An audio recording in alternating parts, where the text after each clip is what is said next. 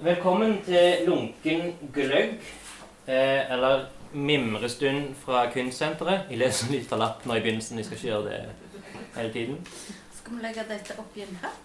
Ja, det er Ja, sånn. for det som eh, eh, her, da, ja, Helt i slutten av sendingen så kommer det til å bli lunkne spørsmål fra hatten. Og da leser jeg opp de. Eh, eh, helt til slutt, nesten. Etter pausen. Kom du på den? Ja. Og altså, Egentlig så kan alle svare på de. Det, blir Det er en samtale. Ja. En mimring.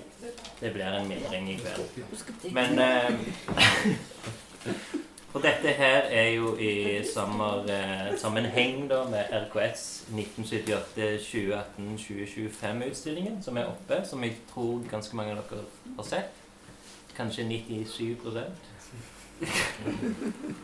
um, Og jeg har jo da denne podkasten eh, Lunken kaffe, som der jeg snakker med forskjellige kultur- og kunstfolk i Stavanger. Jeg har eh, sagt at jeg er sånn infiltratør eh, i, i Stavangers kunstmiljø. Eh, vet du det? ja, eh, men eh, i hvert fall så er det denne mimrestunden, da. Og jeg har mest sånn som jeg sa, to um, Ingeborg eh, syk, hun skulle egentlig være med i dette her det lille panelet. Eh, og eh, Torunn, da, som inviterte meg inn. Ja.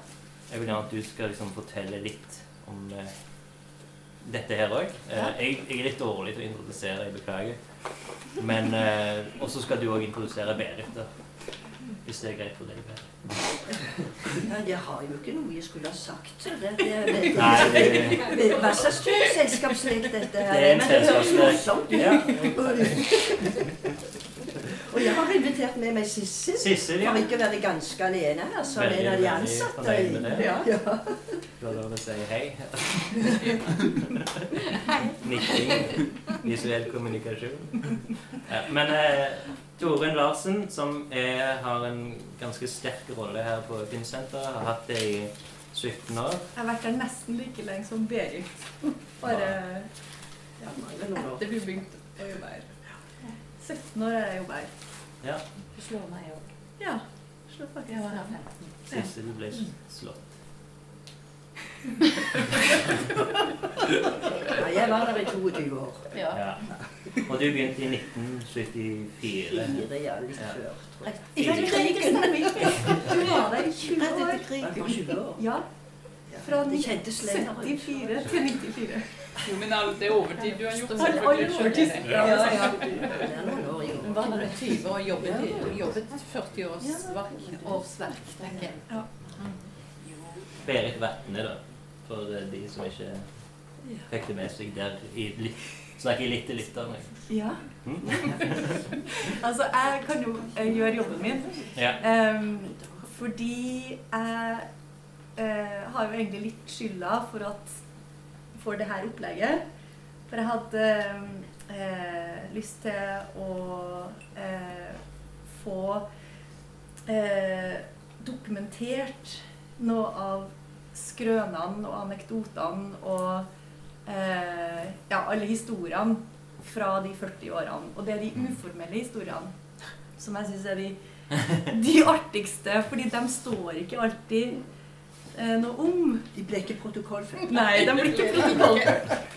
Og så har jeg jo snakka litt med deg, Berit, og så syns jeg at det er veldig mye artig som dukker opp. Og så har jeg tenkt åh, det har vært sånn bra å fått eh, dokumenterte. Og så visste jeg at Espen holdt på med podkasting, så tenkte det er jo perfekt hvis jeg klarer å få Espen interessert i Kunstsenteret sin 40-årige historie. Mm. Og så klarte jeg det, da. Så jeg har liksom infiltrert podkasten til Espen. Ja, sånn er det. Sweet sugar. Og så var jo eh, det stas å kunne få med deg som eh, Berit, som eh, husker ganske mye fra eh, Og den tida før 1974. Eh, egentlig tilbake til noen og 60, husker jo du faktisk. Så du husker jo starten av kunst, var jo gift med han som var en av de tre som startet det Stemmer. i foreningens regi. Hugo Vatne. Ja. Ja. Og da måtte vi konene til kunstnerne være med og gjøre litt sånn jobb i, ja, bak i kulissene. Senere så var det jo sånn at når du var daglig leder, så var alle disse mennene til de som var gift med de som jobbet her, ulønnet ekstramannskap. Var det ikke sånn? Ja, vi tok litt ekstra på det. Ja. Ikke kommet sånn budsjetter og bevilgninger inn ennå. De kom etter hvert. Men eh, innbydelsene til de første utstillingene vi hadde, de ble jo trykket gratis på Tinnfabrikken gjennom kona til Kjell Per Iversen. Ja, Og mye av sakspapirene brukte jeg skolen på Tastaveden. De, de hadde en litt mer effektiv maskin. Men så fikk vi jo den der eh, stensilmaskinen, da. Og så en skrivemaskin, så da kunne vi gjøre noe på egen hånd òg. Ja. Jeg tenkte jeg skulle bare introdusere han her i stakkars som maler instrument. Før vi går videre. Eh, Gustav Jørgensen heter han. Det er min faste jinglemaker. Jeg sa litt før jeg tok på rekord her at eh, ikke alle er som vet hva jingle er. Det er litt juleaktig. Men det er sånn små eh, musikkinnslag som forteller segmentene. Mm. Og i dag har vi fire segmenter som vi har som lagt inn. Og det er historier fra utklippsboka, som er sånn som Her er jo et eksempel på i utklipp- utklippsboken. Og der vi skal liksom eh, tilfeldig finne Bare bla gjennom bilder, og så skal vi stoppe opp og så snakke litt om bildene. Det er ett segment. Andre segmentet er LF Gryte, eller Gryten. Gryden. Som jeg er blitt veldig fascinert av, som er han som er på midten av det bildet der. Ja, Nei. Ja, alle, Han som er genuin ut. Ja. alle har kledd seg ut. Gryten i, i tre utgaver. Ja. ja, det er sjelden at han ikke har alpelue. Ja, det Ja. var Det er et unikt bilde. det, Vi skal vente litt med Gryten-segmentet, men det er bra du har litt. Eh, Den tredje tingen er dagens protokoll. Det, da skal vi gå inn i de her med protokollene fra, fra gammelt av. Det blir etter pausen. Det blir etter pausen, ja. Og så aller sist lunkne spørsmål fra hatten. Ja. Eh, vi, vi tenkte, vi har en, jo en kjenningsmelodi, lunken kaffe, som er gjort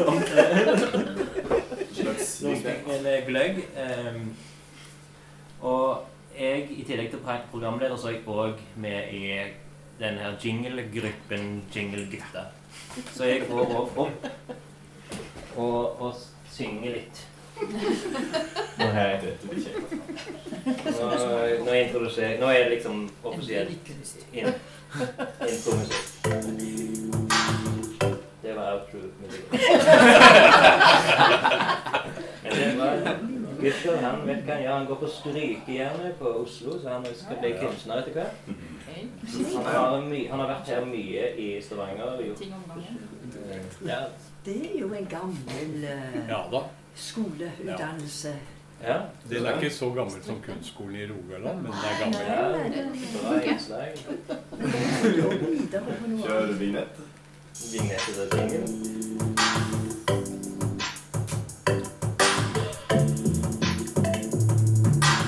Lunken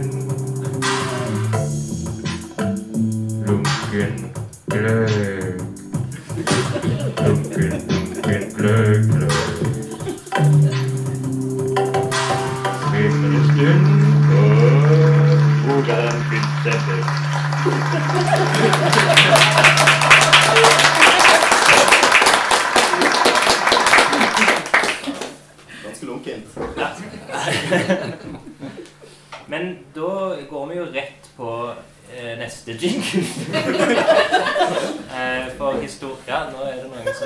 nok. Det Hva? Fikk han igjen? Kjøleskapet. Men nå er Silje også som sitter her, eh, som også har disse her T-skjortene med mitt ansikt på. Eh,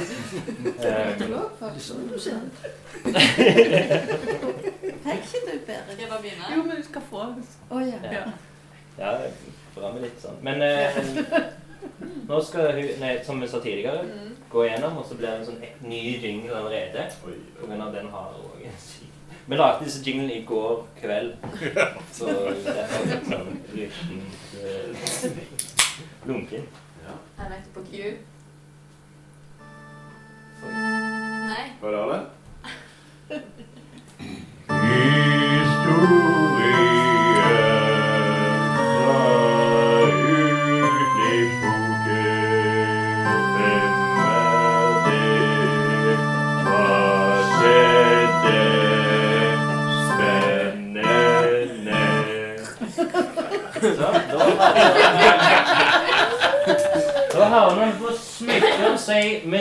dopapir. Det står ikke dopapir. Papir. Det er fire. Det er fire. Det var det jeg trodde. Ja, det er fire, ja. Ja, det er litt murmling og murmling. Det. Er det noen som vet hva dette er? Ja, jeg er- kan godt si noe om det. Ja. Eh, Det var på Sykkelfabrikken, som eh, det- noen kanskje trenger litt eh, fortelling om, som jeg ikke skal ta nå. Men eh, vi hadde så veldig lyst til å jobbe med papir, vi kunstnerne som var der. Iallfall fem-seks av oss. Agnes og Turi og jeg og Susanne og Fie, som det er bilde av der. Ja. Eh, og så for å jobbe med papir, så måtte vi også få tak i en eh, papirmaskin som kan altså male fibrene. Og det fikk vi av Kulturrådet, fikk vi penger til det. Så vi dro til Oslo og kjøpte oss en papirmaskin. Og den er fortsatt brukelig på stasjon K. Okay. Så dette var en stor utstilling som da var alle de syv kunstnerne arbeidet altså med papir på forskjellige måter. Eh, og den utstillingen gikk også videre til eh, Den var på Kunstnersenteret, og så gikk den videre til Buskerud Kunstnersenter. Ja. Og flere arbeider ble innkjøpt av Kulturrådet. Veldig bra. Takk. Var det var det? 1990, tror jeg. Det står jo på, da. Det Du som sitter nærme. Ja, Skal jeg fortelle en liten anekdote? ja. ja. Ok. ja Okay. Når denne utstillingen var i Drammen, så var det altså gamle Solberg spinneri utenfor Drammen. Eh, og det var et sånn lofts eh, Der bor for øvrig min svoger i råleke leilighet akkurat nå. Men det var et kjempedigert eh, rått loft. Eh, og eh, kritikken etterpå var jo veldig var Åsmund Torkelsen som skrev veldig bra om den utstillingen. Men så ble det masse bråk i avisen etterpå, fordi etter åpningsdagen så hadde duene skitt rundt omkring på gulvet. Og så var det da noen som var fryktelig irritert over at kunstnerne hadde duer som skjet. Kan jo ikke noe. Det var altså ikke meningen! Men samtidig så ble det diskusjon om denne utstillingen da, og det måtte dementeres osv. Så, så ble det litt sånn frem og tilbake. For det var jo mange som ikke trodde, trodde på oss når vi sa at det ikke var meningen. Men vi skjet ikke på noen av arbeidene, heldigvis.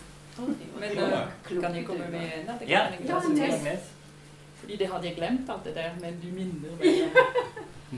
Og nå skal vi mimre, da skal jeg prøve å være kort. Eh, Jeg fikk eh, lov å bo i Sandnes på sykkelfabrikken en hel uke fordi jeg hadde et prosjekt med papir. Og skulle, jeg skulle lage et papirark som er like stort som et teppe. enn en om hver dag i uken. Søndag skulle den være hvit. Men alle de andre dagene blandet jeg papir med det nærmeste avfall som var meg, som var i nærheten. Ok. Så et ark eh, gjorde det veldig enkelt for meg selv, som jeg pleier. Så jeg lette ikke langt. Jeg tømte alle askebegerne i hele sykkelfabrikken. Det, det var sommerferie, det var ingen der. Det var bare jeg. Så tømte jeg det som ikke hadde vært ryddet, i papirmassen. Det ble et ark. Jeg bodde i sentrum av Stavanger, og der skulle vi da feie rundt egen dør på gaten. Og der jeg var, det var i Hospitalgata på hjørnet av Brødregate. Og der var det veldig mye skitt, særlig i den der trappen som gikk ned til kjelleren, som aldri ble brukt. Og det tømte jeg Det hadde to materialer der til å ha to papirark. Den ene det var as asfaltstøv. Og den andre det var alt det som fløt oppi papirmassen, det som ikke gikk ned som asfaltstøv gjorde. Det var alle der festlige papirer, eh, bakpoteter, sølvpapir, det var eh, sulle- eh, sukkertøypapir og alt det der. Det, det ble et papirark. Og så var det en til som jeg ikke husker når jeg forteller, men den som jeg husker veldig godt, det var jeg hadde ikke mer søppel rundt meg. Jeg var fortsatt på sykkelfabrikken. Hva gjør jeg nå? Så kom jeg på den glimrende ideen. Ja, ja, men jeg kan skite i papirmassen. Og jeg var alene på papir. Derfor to papir. Jeg er ikke dopapir, det. Men jeg var alene, så dermed så tenkte jeg ja, men det gjør jeg. Det var en kjempeidé. Nærmeste avfall som kommer. Så gjorde jeg det, og så tørket jeg alle arkene, og de var alle like store, og søndag var hvit. Ja. Og så utstilling her. Så installerte alle arkene, sånn som jeg fikk det allerede fra før. eh, Som når du går i, i teppeforretning, henger du arkene i sånn Sånn, du, du så ikke arkene hvert ark på vegg, liksom. Nei, nei, nei. Du, de var hang sånn fra hverandre, men i en sånn rekke. Og så hadde jeg da hengt opp veldig synlig uh, hva det inneholdt. Ikke sånn Innholdsfortegnelse. Ikke sant? Og så det hvite arket det lå på gulvet, og så fikk folk lov til å gå på det. og la, Fordi jeg har undervist masse i grafikk, og sånn, så grafik, grafikken kom i meg, så, så folk kunne gå på det der hvite arket og lage avtrykk. Men det som hører til denne anekdoten, det er lukten på mer papirark. Den som luktet verst, det var askebegeravfall. ja. Det var, det, det var den gang vi alle rakte. Men Men det var altså skitt, men ikke bueskitt. Ja, men, men er, til slutt så var det en utstilling der. Og så etterpå så det ble den pakket, pakket ned. Og papirene ble mine ble skikkelig godt pakket ned. Du var kanskje den som gjorde det, jeg vet ikke. Lagt ned i kjelleren. Og så kunne jeg ikke hente det med en gang. Og så ble det oversvømmelse. Så ble eh, en del av arkene skadet, faktisk. Og så var det som forsikringssak. Det var eneste gang jeg har fått så mye penger på, på den kunsten som jeg har laget. Forsøket på papir. Ja, det var ikke helt riktig, men jeg fikk faktisk forsikringspengene på et kunstverk. Sånn, sånn, det blir ikke innkjøpt av Norsk kulturråd, da. Du, en, et lite spørsmål eller kommentar til den utstillingen din. Var det den du monterte på domkirkeveggen? Nei, det er en annen fortelling, men det trengs ikke å ta nå. Nei, det var Det var ikke det? Nei, men det har med skitt å gjøre også. Ja, det var det jeg. Ok. Bare den til neste. Men vi kan ta neste um, Hva er det som glemte det? Historie for utenriksboken. Og da er det kortversjon av jinglen. Ja, men vi står litt i veien i tilfelle For du må bare gå ned. da. Jeg bare begynner. Skal vi ikke se bildene? Vi ser de på deg, da. Det ser ut som du har forsøk på deg. det. Er jo gøy å se, da. Vi må se Ja, bildene. ok, da. Det er jo kjekt. Syns jeg. Eller? Ja. Du må fortelle meg hva som stopper. Tre, fire.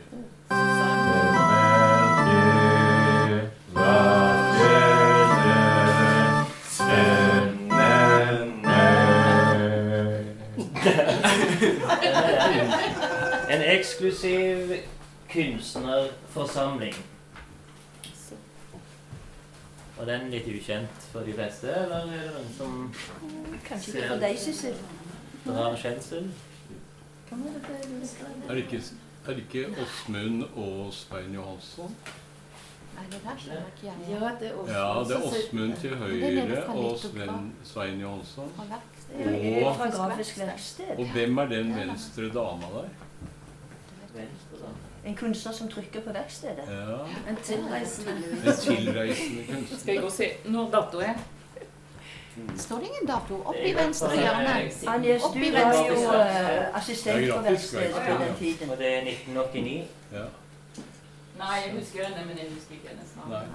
Men vi kan snakke litt om grafisk verksted, da. Står det ikke under hvem de er? Jo da. Det pleier å gjøre. Skjønner jeg. Til venstre. Nei, jeg klarer Nei, det er vanskelig Jeg klarer ikke å lese, fordi jeg har Det var du på feil briller på. Å nei, det var lite. Ok. Jeg har fått et godt innspill fra eh, en eh, eh, lyttervenn. At eh, alle som sier noe, kan liksom bare presentere seg f Ja. før de sier noe. Er det viktig? Det syns jeg er en god idé. Ja, kan jeg si det her? Ja. Men det kan være anonym hvis du ikke Kan, yes, det kan selvfølgelig Men eh, Det er ikke press på at navnet skal komme ut i internett. Ut i avisa. Ja, ja. Men jeg vil gjerne snakke om Grafisk verksted og hvordan det startet det samtidig som Rogaland Kunstsenter, eller var det Var dette i 89? Dette eh, Dette var i 89, Ja.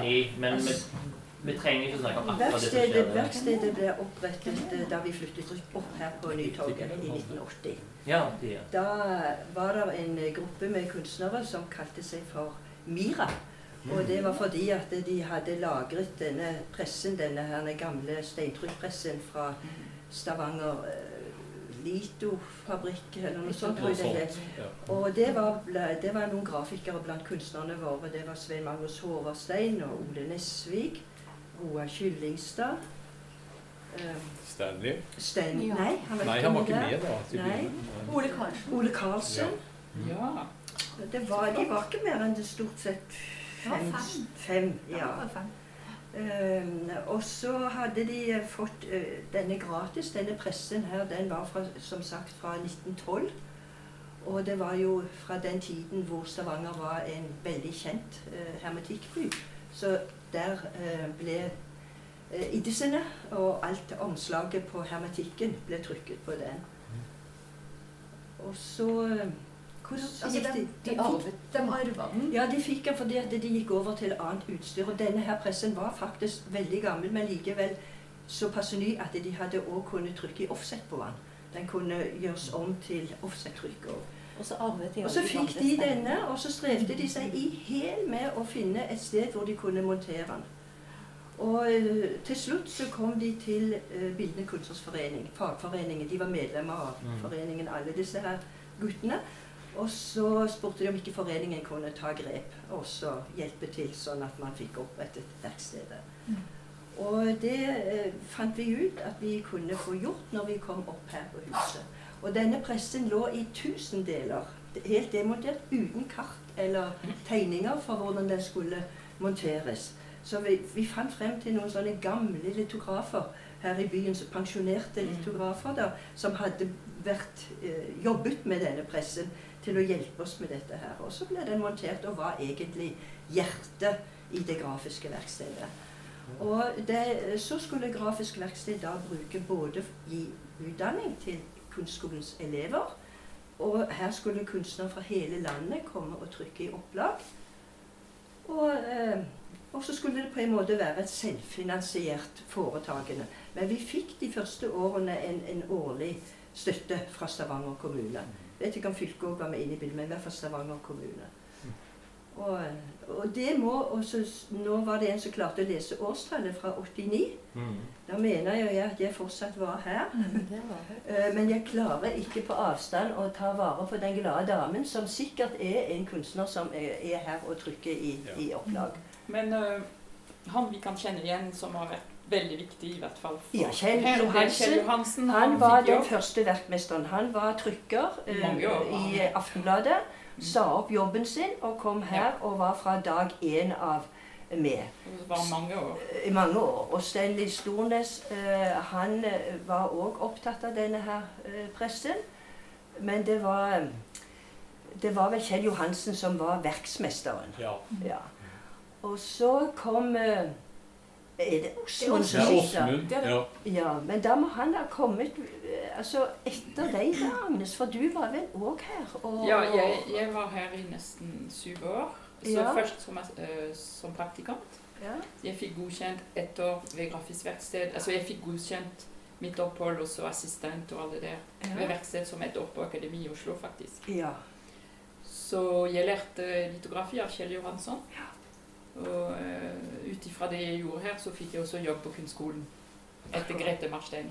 Og sånn var det du kom til Stavanger, faktisk. Nei, jeg kom til Stavanger pga. min mann. Ja, ja, men- men du ble værende her. Han var norsk. Ja, Du ble værende her lenge etter du hadde gått fra halvmannen din. Ja da. Nei, takket være miljø og trivdes. Hun trivdes veldig godt i hvert fall. Han var norsk, da. Og på den tiden når eh, Grafisk verksted var her inne med maskinparken sin, så hadde jo jeg kontoret akkurat på hjørnet der. Men da var det ikke en dør derifra inn. Vi måtte gå dodøren og, og inn her. Så det, det, husker, eh, vi sitter faktisk nå i det rommet hvor den store steintrykkpressen var plassert der. Den tok hele rommet. Og når du sier hjerte, Ja. den slo som et hjerte. Ja, den gjorde den. lyden av den maskinen, det var Så tilbake. Og så fikk de vi sånn mange eh, steiner da som eh, de hadde hevet i fyllingen. De bygde jo kai her av disse gamle steinene. Ja, Så fikk vi de opp, og på mange av steinene så var de gamle iddesene frem bilder av eh, eh, id- iddes, Vi kaller det iddes som er dediketter, da. Mm. De var fremdeles på noen som vi da tok vare på for å ta vare på historien. Hvor de kom fra, osv. Der kommer Åsmund. Kom, Åsmund. Hei, Åsmund. Du er på bildet. Hei, Vi sitter og snakker om det. Ja, hei. Er det bilde av meg? Ja! Nå kan du svare på spørsmålet. For kom du inn eh, som Hadde du sånn siviltjeneste her, eller kom du inn som kunstner her og, og var eh, høyre hånd eller venstre hånd til Kjell Johansen? Eh, eh, ja. Eh, eh, det kom litt brått på. Jeg, jeg var, jeg var en, en uke her, som jeg skulle lære Lito eh, i våren 1989. Ja. Og så fikk jeg beskjed om at jeg kunne få sommerjobb her først, da. Og så, og så fikk jeg ett års ja, Tusen takk. Eh, engasjement, og så gifta jeg meg, og så ble jeg værende her. Men jeg har ikke vært her siden Siden jeg var Så her. du ble lokket hit, Her, Ja, ja. De husker jo de holdt fast på deg Ja, når du kom. Ja. Fordi Kjell hadde lyst til å slutte, kanskje. Ja, han hadde det. Så uh, Og så så han eh, en som kunne ta over. Ja. Men det hører med til historien at jeg begynte jo på kunstskolen, og der hadde vi en elev Dette er Nils Eger. ja. som var veldig opptatt av grafisk verksted, trodde jeg. Men det viste seg at hun var opptatt av Åsmund. Du nevnte nemlig at du giftet deg, Ja, og det var med Ingrid. Og hun lager Lito som bare Ja, Ja, fremdeles. lager Lito. Det står ikke i protokollen, det der. Dette her at du la den på han? Nei, ja. Ja, men det var jo dobbelt bonus for oss, det, så fikk vi de begge to inn i miljøet. Ja. Men uh, en ting uh, jeg fikk fortalt når jeg jobbet på verksted, at den overgangen der fra fabrikk, eh, altså offset og sånn, at det er mange presser som gikk bort i fjorden, fordi de visste ikke hva de skulle gjøre med det, så de bare hev det ned i fjorden. Ja, det tror jeg sammen med litosteiner. Det ble full masse for det er bare å hente dem opp igjen hvis dere skulle finne ut det. Vet du eksakt hvor eh. Men vi skaffet oss jo et par presser til. Vi hadde denne her eh, flatallpressen, eller en sånn høytrykkpresse.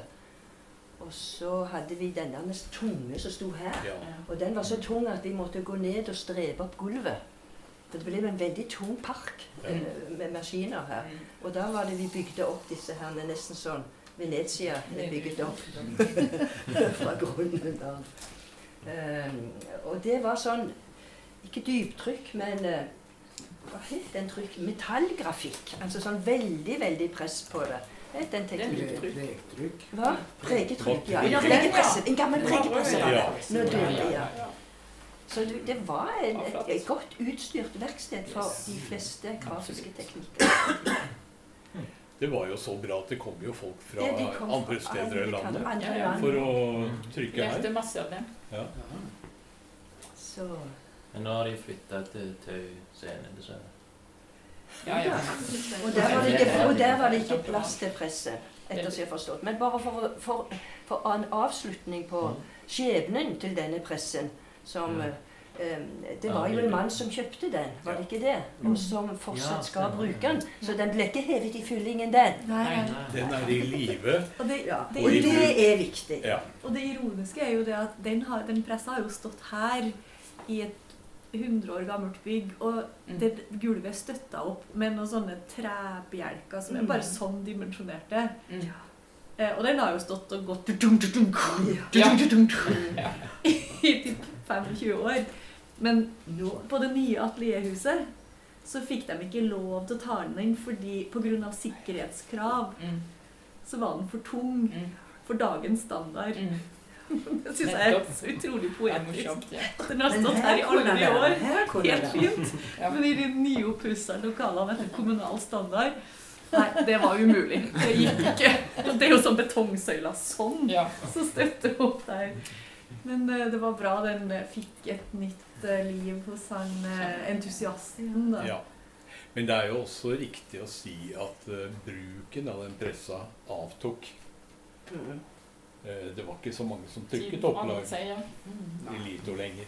Det var, det var en tid hvor det var Men veldig aktuelt. nei, jeg kan si følgende at uh, Kjell Johansen han uh, hadde hatt kundene med seg til Oslo. Han gjorde det. han hadde drevet Ja. uh, Grafisk Verksted kjempebra, profesjonelt, tipp topp, åpnet uh, Kunstverket, et galleri og Nei, altså det tror jeg rett og slett de har flyttet.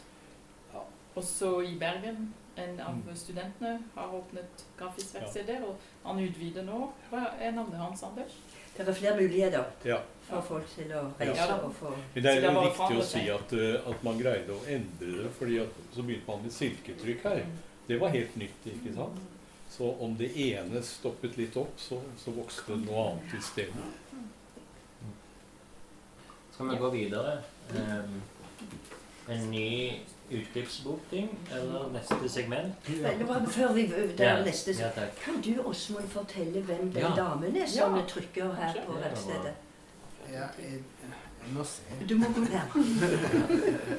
Og hvorfor er det en eksklusiv forsamling? Ja. Ja, det er Kathy.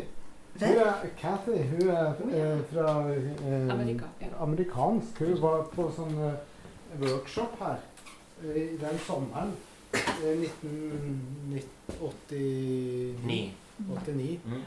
Og hun lagde sånne mm, runer. Ja. Det husker jeg veldig godt. ja. Hun, hun var skikkelig pratsom. Det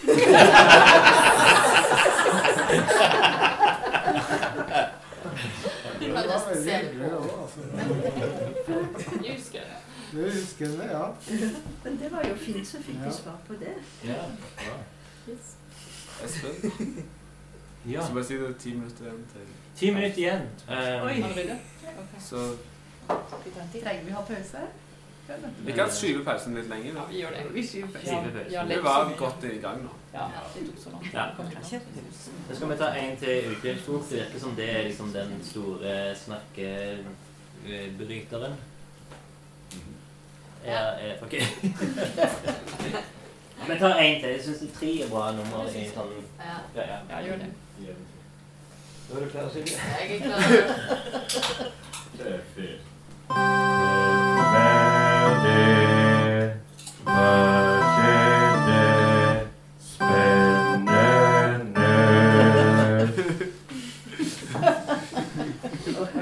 Og da er det rådhuskunst for 275 000. Dette er fra 1985. Det står Ragna Sofie Hegre og Berit Vatne og egne. I bildet fra Billedkunstnerforening Rogaland har vært travelt opptatt med å montere utstillingen med god hjelp av annet Randi Melby Eide og Inger Fugelli Trondsen. Karmøy rådhus. Husker du noe til dette? Kjell? Som jeg har bildet. Vi må ha arrangert eller ha hatt en utstilling der oppe i rådhuset. Kanskje en innkjøpsutstilling. Ja. For Addi og jeg vi reiste faktisk eh, litt rundt i den bitte lille folkevognen min med hundrevis av kunstverk. Kjørte kjørte med Ja, de der i ja, ja, vi hadde stablet veldig sånn eh, godt. eh, Og så, men det er ikke våre vegger. De hadde de der på huset. Det må være en, i den Hvordan folkevognmodell Jeg kan ikke, jeg kan ikke Men rådhus Nei, vet du det at det er det nye rådhuset Mm. innkjøpsutstilling. på Karmøy. Mm. Hvor de skulle kjøpe inn flyttbar kunst. Altså, og, og så kom, ba de oss komme opp og fortelle om kunstnerne. eh, holde et lite kåseri om kunstnerne. Og samtidig montere en utstilling hvor eh, de kunne kjøpe inn kunst til rådhuset. Men òg hvor andre kunne komme og kjøpe. Og du ser, det er jo sånne mini, det er jo små bilder. Men jeg, jeg har glemt det ut. Det er lenge siden du Men vi gjorde det. Vi drog av og til rundt i fylket i den der lille boblen min. Du kan ikke ha hatt i deg en boble. Jo, jo, jo. Det går ikke Du aner ikke hva vi Jo, jeg hadde tilhenger. Vi hadde hestevogn. Ja, ja men den, den kom senere. Den var veldig bra.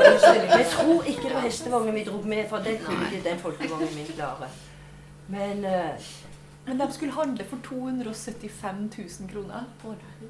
Så dere kjørte Dere må ha jeg tror nok det har vært noen større verk som en del kunstnere har utført, og som ikke vi hadde med i den boblen, men som var en del av utsmykkingen. Og så skulle det da være eh, litt sånn flyttbar kunst som skulle inn på de små kontorene og, og sånne ting. Fordi at det kunne ikke komme opp i det beløpet der. Men eh, du vet at hvis de kjøpte mange nok var ikke så mange arbeidere vi hadde med oss hjemme igjen. Men vet dere hvem Addi er?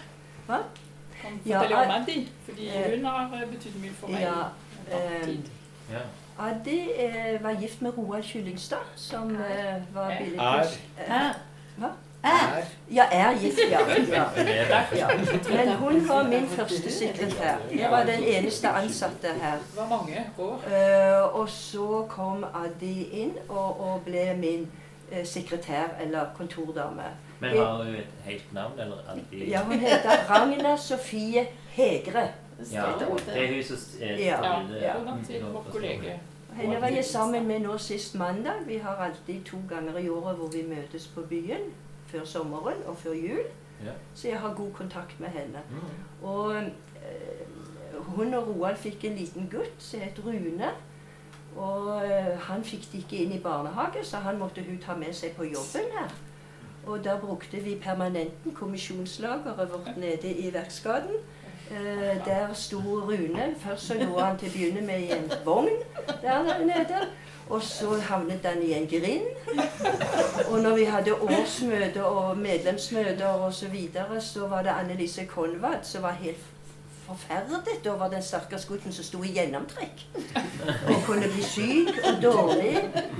Og så, eh, så fikk de han ikke inn i barnehage. Men så var det Hugo da, som var formann i BKF, og så gikk han til kommunen så sa han at de, de måtte skaffe, om ikke de kunne gi oss tilstrekkelige bevilgende midler, midler, så måtte de i hvert fall skaffe denne lille gutten en barnehageplass. og, så, og det gikk faktisk i oppfyllelse. Så, så han fikk plass der, og Addi fortsatte hos meg. Og, og ble med òg opp her når vi flyttet i 1980 opp her. Og Addi var vel her når du kom, Sissel? Ja, Og du fulgte i- med kunsthåndverkerne? Jeg startet i 86. Ja. Da startet jeg på kunsthåndverkerne nede i Ull og Leir, på, ja. nede i de røde sjøhusene. Da vi kom opp her på Nytorget, så, var eh, så var det jo meningen at Kunstnersenteret skulle drives av de to distriktsorganisasjonene kunsthåndverkere og billedkunstnere.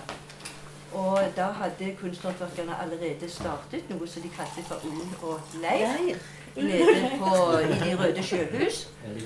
Og, eh, og så kom de opp her med emblemet sitt. glemmer jeg.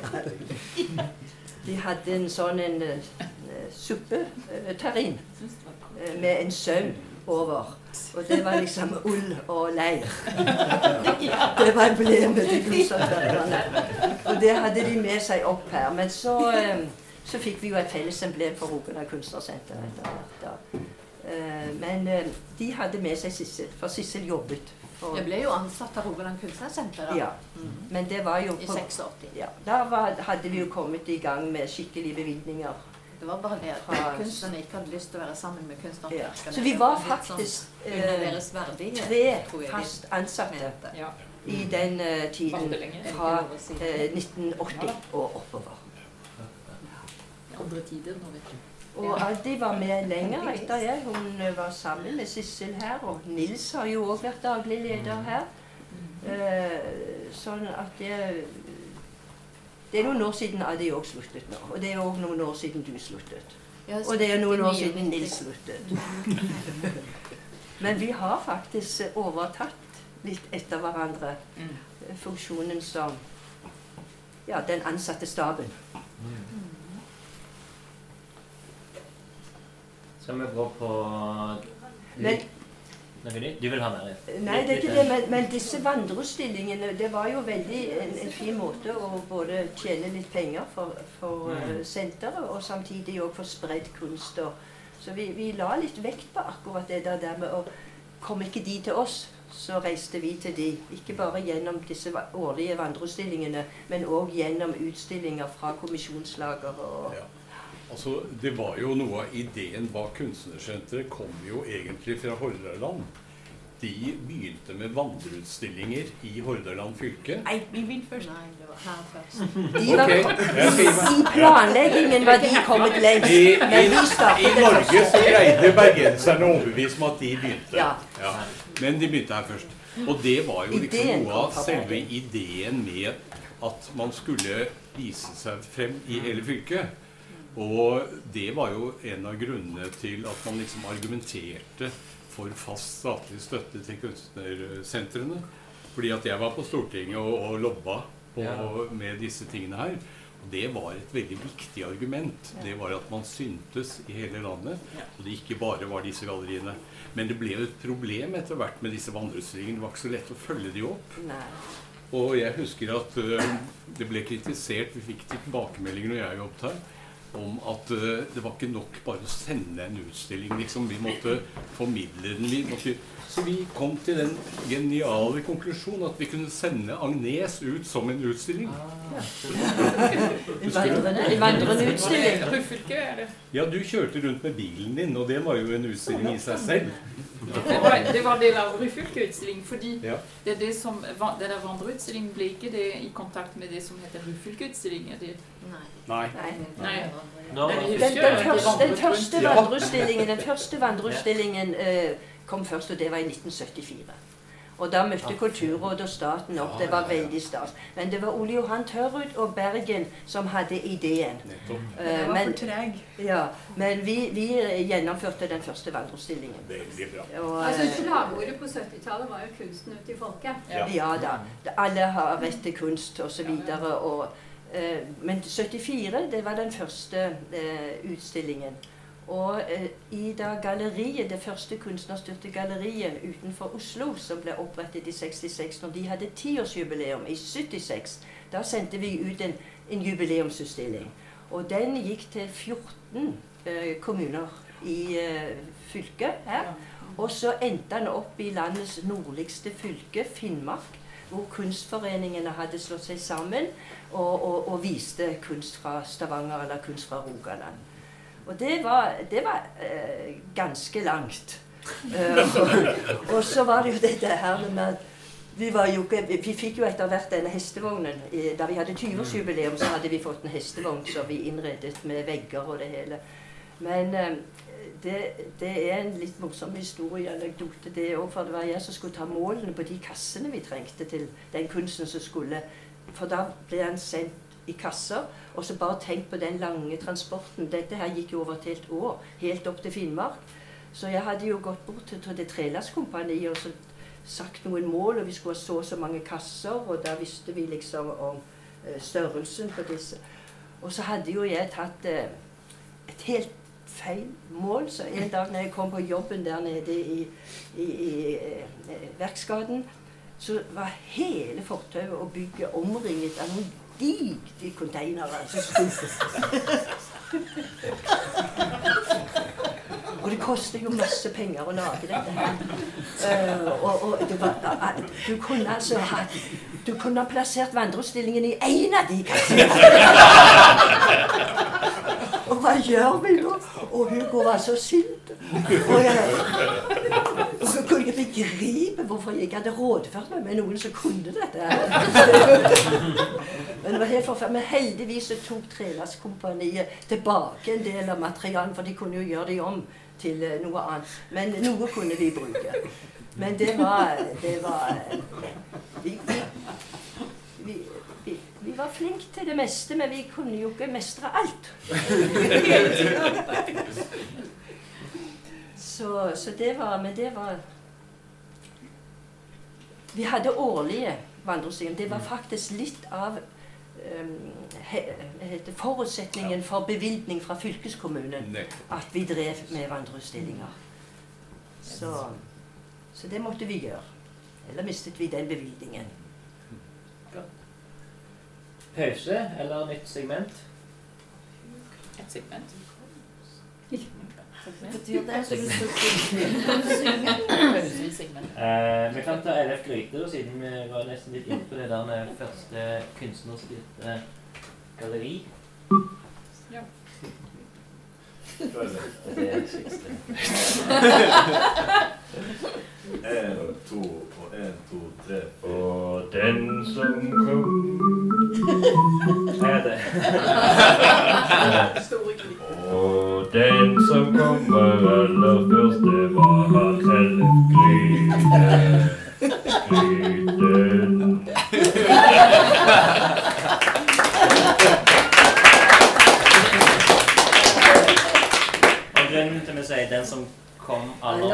Havne i det sorte gryte. Ja, men aller først Sissel, vil du si noe med en gang? Ja, for jeg hadde en bitte liten historie som passet veldig godt å begynne med. Ja, veldig bra. Jeg kjente ikke Ellef Gryte så veldig godt, Nei. men eh, jeg gikk på kunstskolen eh, den gangen det het Studieatelier i Stavanger. Ja. Eh, og da var han Jeg tror han var styreformann. I hvert fall så, satt jeg, så kom jeg til disse møtene i uh, kunstskolen som sånn elevrepresentant. Ja. Husker du det? Ja, ja. Så, så det var liksom det jeg kjente LF-en fra. Mm. Men hvilket år døde han i Briten? Han døde i 91. Ja. Og historien den er den at når etter begravelsen så skulle vi ha eh, bake, eller vi skulle ha sånn etter begravelsen. Hva heter det for noe? Gravøl. Gravøl. Vi skulle ha gravøl oppe i galleriet. Og det kom masse folk. Og vi satt eh, nedover. Vi hadde laget langbord, og så hadde vi masse å drikke og masse sånn. Det var skikkelig sånn eh, Ja, det var masse av alle disse her som kjente Elif. Og så var det Randi Øglen som jobbet her da. Da hadde hun vel tatt over etter deg. Men Nei, hun var- jeg hadde permisjon, men jeg jobbet til Ja, 95. Ja. ja. Så um, lå kontorene lå rett inn forbi, og folk satt og snakket og fortalte anekdoter om, om Elle, for de var jo mange, og folk lo jo sånn når de hørte alle de anekdotene. Så ringer telefonen på kontoret, og så springer Randi Øglen for å ta telefonen. Og så sier hun 'Rogaland Kunstnersenter, vær så god'. Og så kom det et latterbrøl av en annen verden inne fra galleriet. Det var helt sånn, det var sånn tordenskrall. Og da måtte hun unnskylde seg i telefonen, så sa hun ja, jeg beklager veldig, men vi har, vi har begravelse.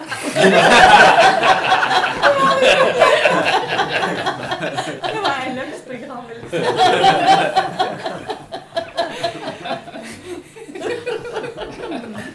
Vi ga jo ut denne her, um, boken i 60-årsjubileet for Bildekunstners Forening i Rogaland. Og han døde mens den boken eh, Den skulle komme ut i 92, da. For foreningen ble opprettet i 32 som en av de første distriktsorganisasjonene. Uh, og Hva var det jeg skulle si nå?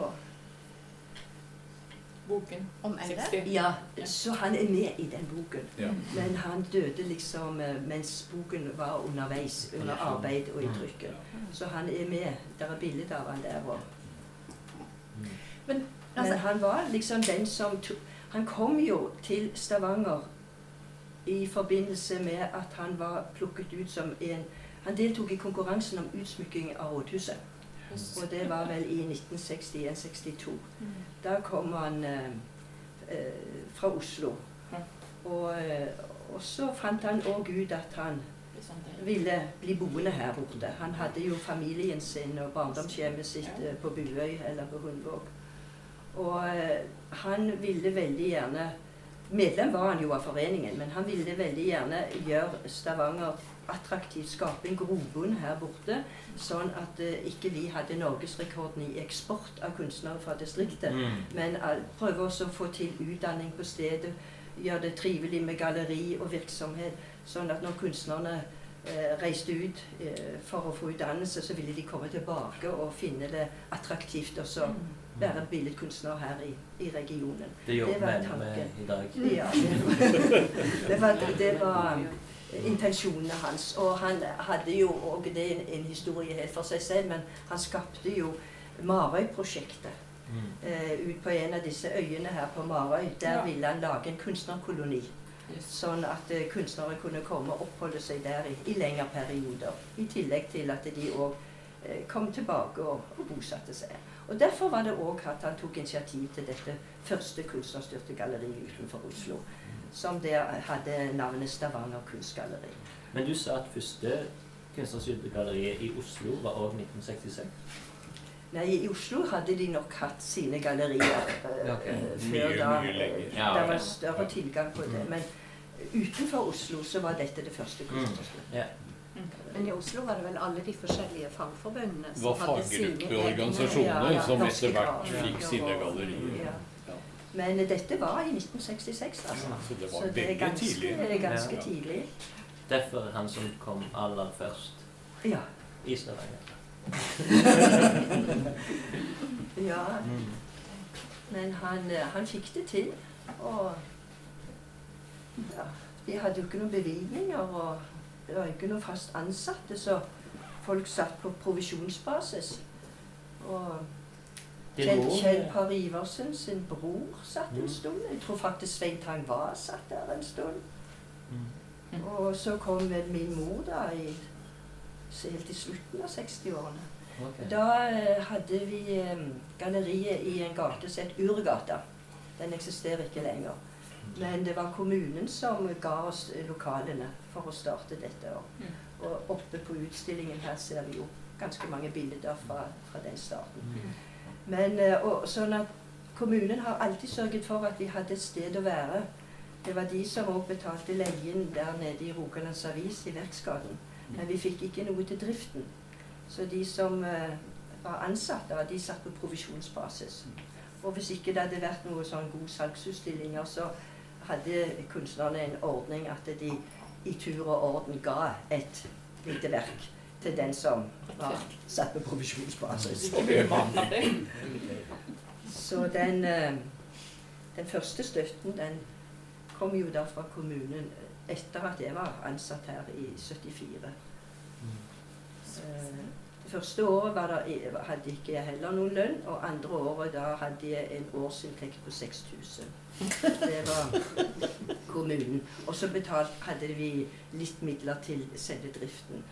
Så det betydde jo da at Ellef, som var primus motor og drev dette her, at han, han eh, betalte regningen med tresnitt.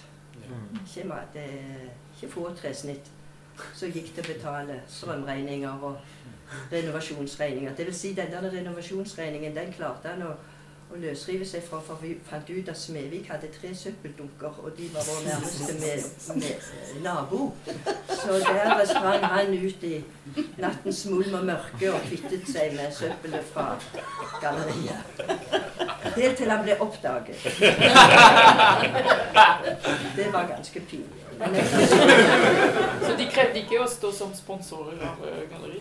Ja, det, det kunne vi jo. Ja, Vi tenkte ikke så langt. Det var moderne. Men det, det var jo ikke bare ellefter med tresnittene, men eh, sånn som Kjell og Hugo og etter hvert flere som satt i galleristyret, Jon Underhem, de, de, de gjorde jo en fe- fenomenal gratisinnsats på foreningens vegne for å kunne drifte dette her. Det, Det fortsatt ganske lenge, det der, fordi du har arbeidet masse overtid, som jeg nevnte ja, det er en overtid, men det var naturlig. Jo, nei, men eh, det var å fortelle. Da- Så var det når, når det skulle pusses opp, så var det frivillig Jeg husker Gunnar Haas. Vi malte galleriet oppe. og Ja, da de gjorde masse dugnad. Masse dugnadsarbeid. På den tiden var det mye av det.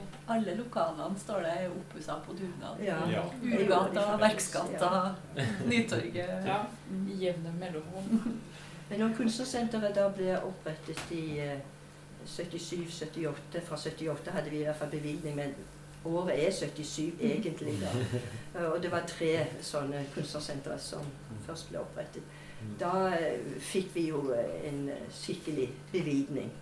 Eh, tror faktisk at det var en, eh, Før det ble ja, det ble en 60-40 fordelingsnøkkel, hvor staten hadde 60% ansvar, økonomisk ansvar, og hvor eh, de eh, 40 ble fordelt mellom fylket og Stavanger kommune. Og fra da av hadde vi eh, Da var vi ansatt med lønn i regulativ. Sånn at Jeg tror, jeg tror at den derre eh, oppussinga på dugnad her, det Ja. var den der trappa.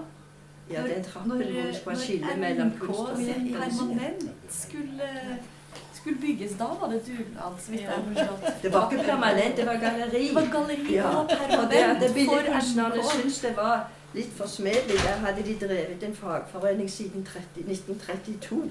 Og de hadde opprettet det første kunstnerstyrte galleriet uh, utenfor Oslo. Og det var òg et av de første kunstnersentrene som de, de hadde gjort en ganske fenomenal innsats for den kunstnerstyrte formidlingen. Og så når vi kom opp her i disse lokalene, så var det jo noen billedkunstnere som syntes det at skal de bare marsjere rett inn de, og så skal vi gi fra oss halve kapasiteten, og så skal vi dele dette 50-50. Og det var sånne eh, toskete diskusjoner der. Og så fant vi ut at vi skulle hver sitt galleri. Og da måtte vi liksom bygge en trapp. Eh, nede var det ett galleri, og så skulle man ha en trapp opp. Eh, Der var kunsthåndverkerne. Så delte de nokså 50-50 likt. En utstilling med kunsthåndverk, en utstilling med billedkunster. Og det var de skjønt enige om. Men trappen sto jo der og tok opp enormt med plass. Det var ikke plass til permanenten, eh, som var kommisjonslagere, verken for kunsthåndverkere eller billedkunstnere, sånn som vi gjerne ville. Men eh, så var det jo i den i Bildende kunstners forening og i Kunsthåndverkerne var det medlemmer som både var billedkunstnere og kunsthåndverkere. Så etter hvert så, så ble vi jo litt mer dus og skjønte at dette var et håpløst skille. Og eh, måtte drifte det sammen. Og så ble den trappen revet. Og så fikk vi Jeg vil si det var en veldig stor kamp mellom billedkunstnere og kunstnere. Ja, Og jeg var med i en jury hvor han Stokkeland var med. Og der hadde Odd Sama levert inn et stort, flott fag. ja. Og så sa han Hva skal han være med, den pottemakeren? Billedkunstnerne snakket om pottemakere, og de snakket òg om eh, altså dette med tekstil og sofaputer Ja. og gardiner og sånn. Det var òg noe annet, og det, eh, det hele. Men eh, det var jo da den der morsomme historien din til Terry. Terry de, de, mobbet, de mobbet dere litt. Ja. Og så uh, sa du til Terry uh, Hva er det du maler på? Ja, han malte på lerret, sa han. Ja, men da er du tekstilkunstner, du.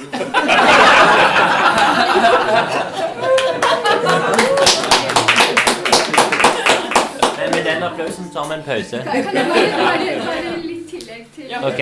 Ja, siste tillegg. Siste Ja, fordi, fordi eh, jeg var jo eh, styreleder for Kunsthåndverkerne og også daglig leder for Kunsthåndverkerne like før Sissel, sånn at vi var jo med eh, Jeg var også nestleder i styret i Kunstsenteret når Ja, vi ble føyset sammen. Og så ble jeg styreleder etterpå. Men iallfall altså på, på, på planet mellom kunstnerne så var det veldig mye hets. Men vi jobbet veldig godt i styret Ja. for å få dette sammen med Gunnar Aas. Det, det gjorde det. Så Billedkunstnerne vi og jobbet Kunsthåndverket i styret, for det skulle være to av hver eh, Ja. fagorganisasjon. Så, i tillegg til de måtte på en måte kjempe mot alle de kreftene som var under styret. Ja. Det gikk i Og det var ikke pent, altså. det var ikke pent. Men eh, jeg tror at eh, billedkunstnerne syns at kunsthåndverkerne hadde litt bedre orden i sakene sine. Så det ble veldig mye dere som måtte ta litt sånn administrative jobber. Og de, de ville helst være på atelieret sitt og, og stelle med sitt. Og så kom de jo til styret osv. Men de, jeg tror at den tilliten ble sterkere etter hvert. Oh, ja, Det, det men vi drev jo hver for seg. Kunsthåndverkerne hadde sine utstillinger og eventuelt sine vandreutstillinger, og billedkunstnerne hadde sine. Men senteret var, var felles. Ja. Og så var det jo det her med utsmykking. Skal vi tisse og Skal vi tisse? Nå skal vi tisse.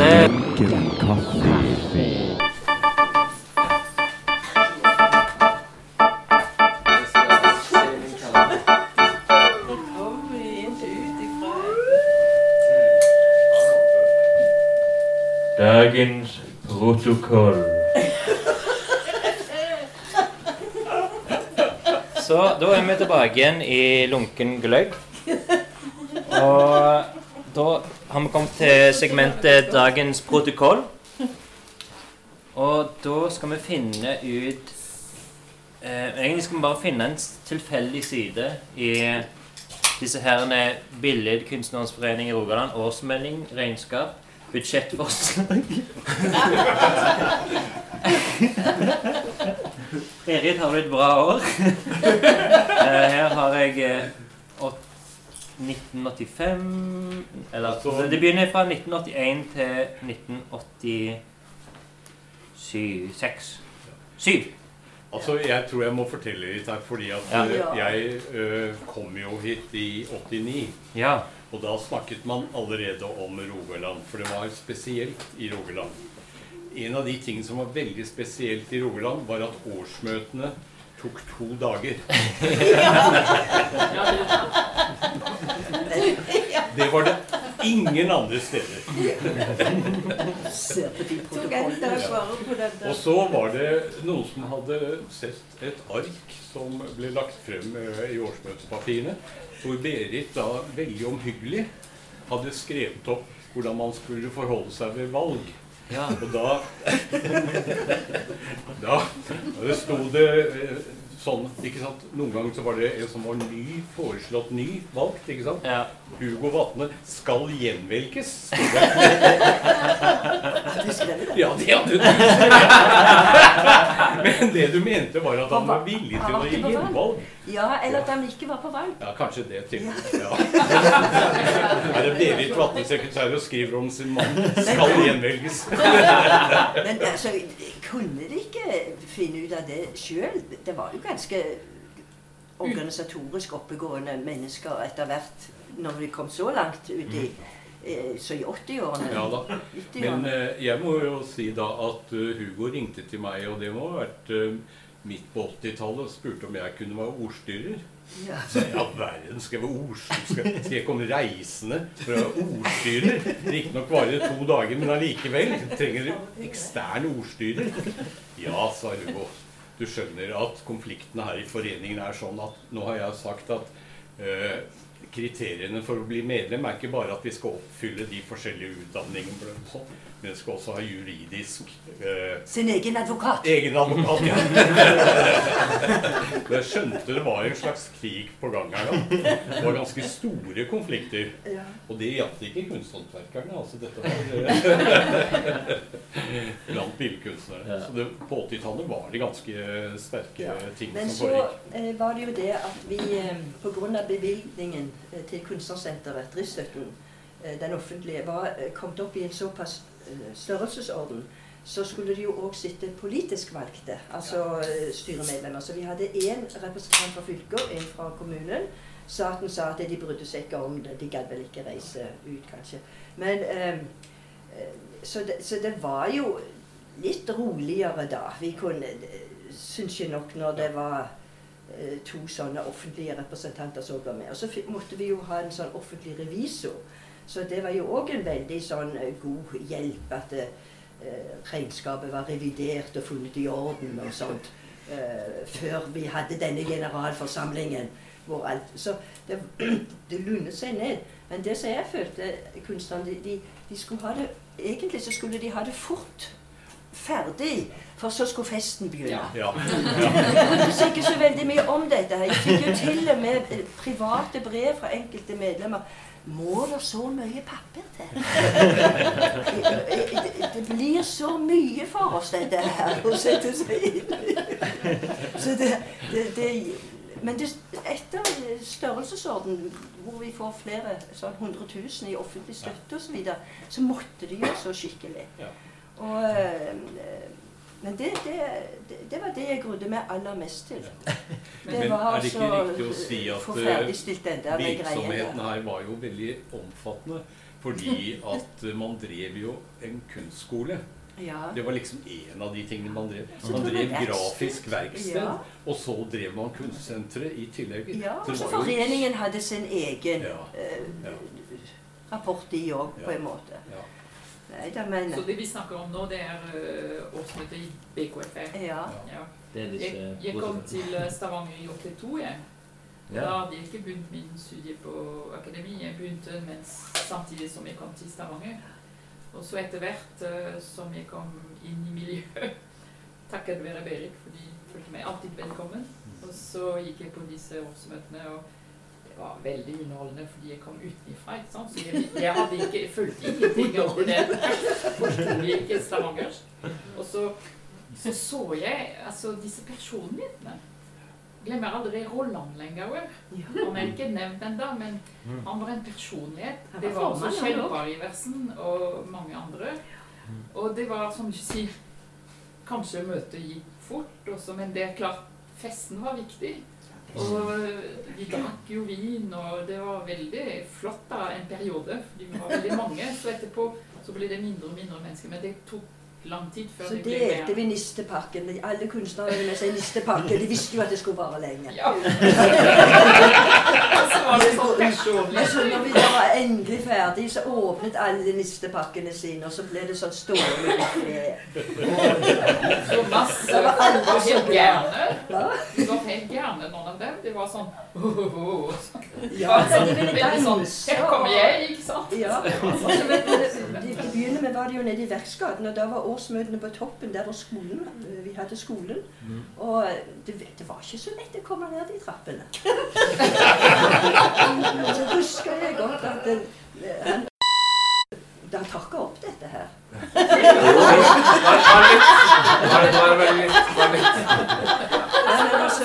Litt forsiktig med navn. Han, han hadde Vi kan blipe ut det navnet der. Ja. Han, han hadde en utrolig livlig kone. Uh, og han selv var mer tung og rolig. Uh, og, Det var så hadde han denne skjønne lille konen som uh, var som, som en liten sånn fransk eh, eh, og, og likte å ha de mannlige med seg bak staffeliet. Og, og, og nå Kom og se hvordan Og så gikk det en tur om bak det staffeliet oppe på studiet er der, eller på grunnskolen.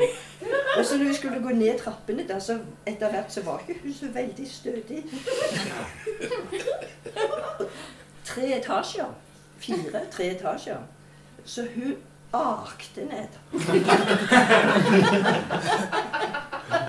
Og mannen han bare gikk rolig ned, og, og, og istedenfor å være med og støtte opp, liksom, om de som trengte det, så bare gikk han stille og rolig ned. Han hadde alpelue, han òg.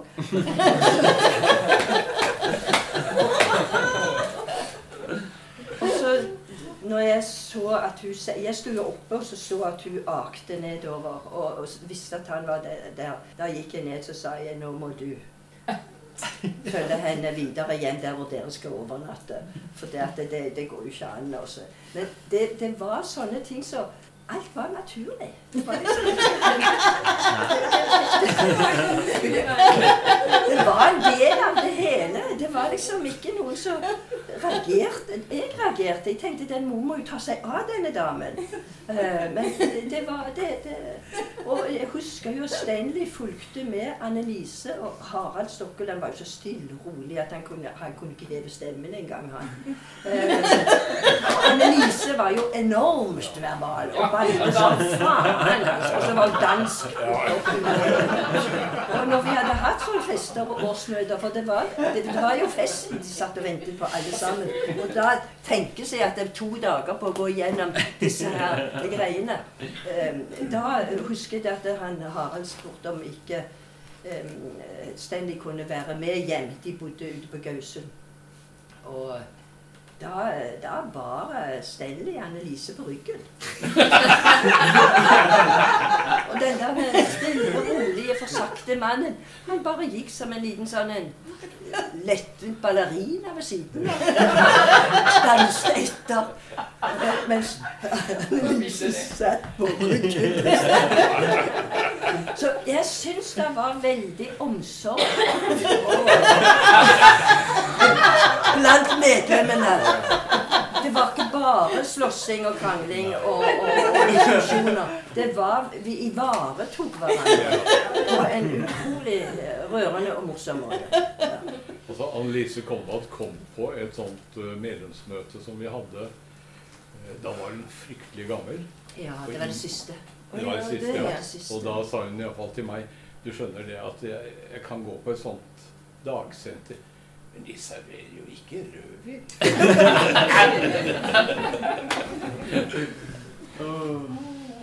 Men hun var i grunnen en, en driftig Hun var med i styret og Ja, og i flott, juryen. Og, og, og hun, hun var artist.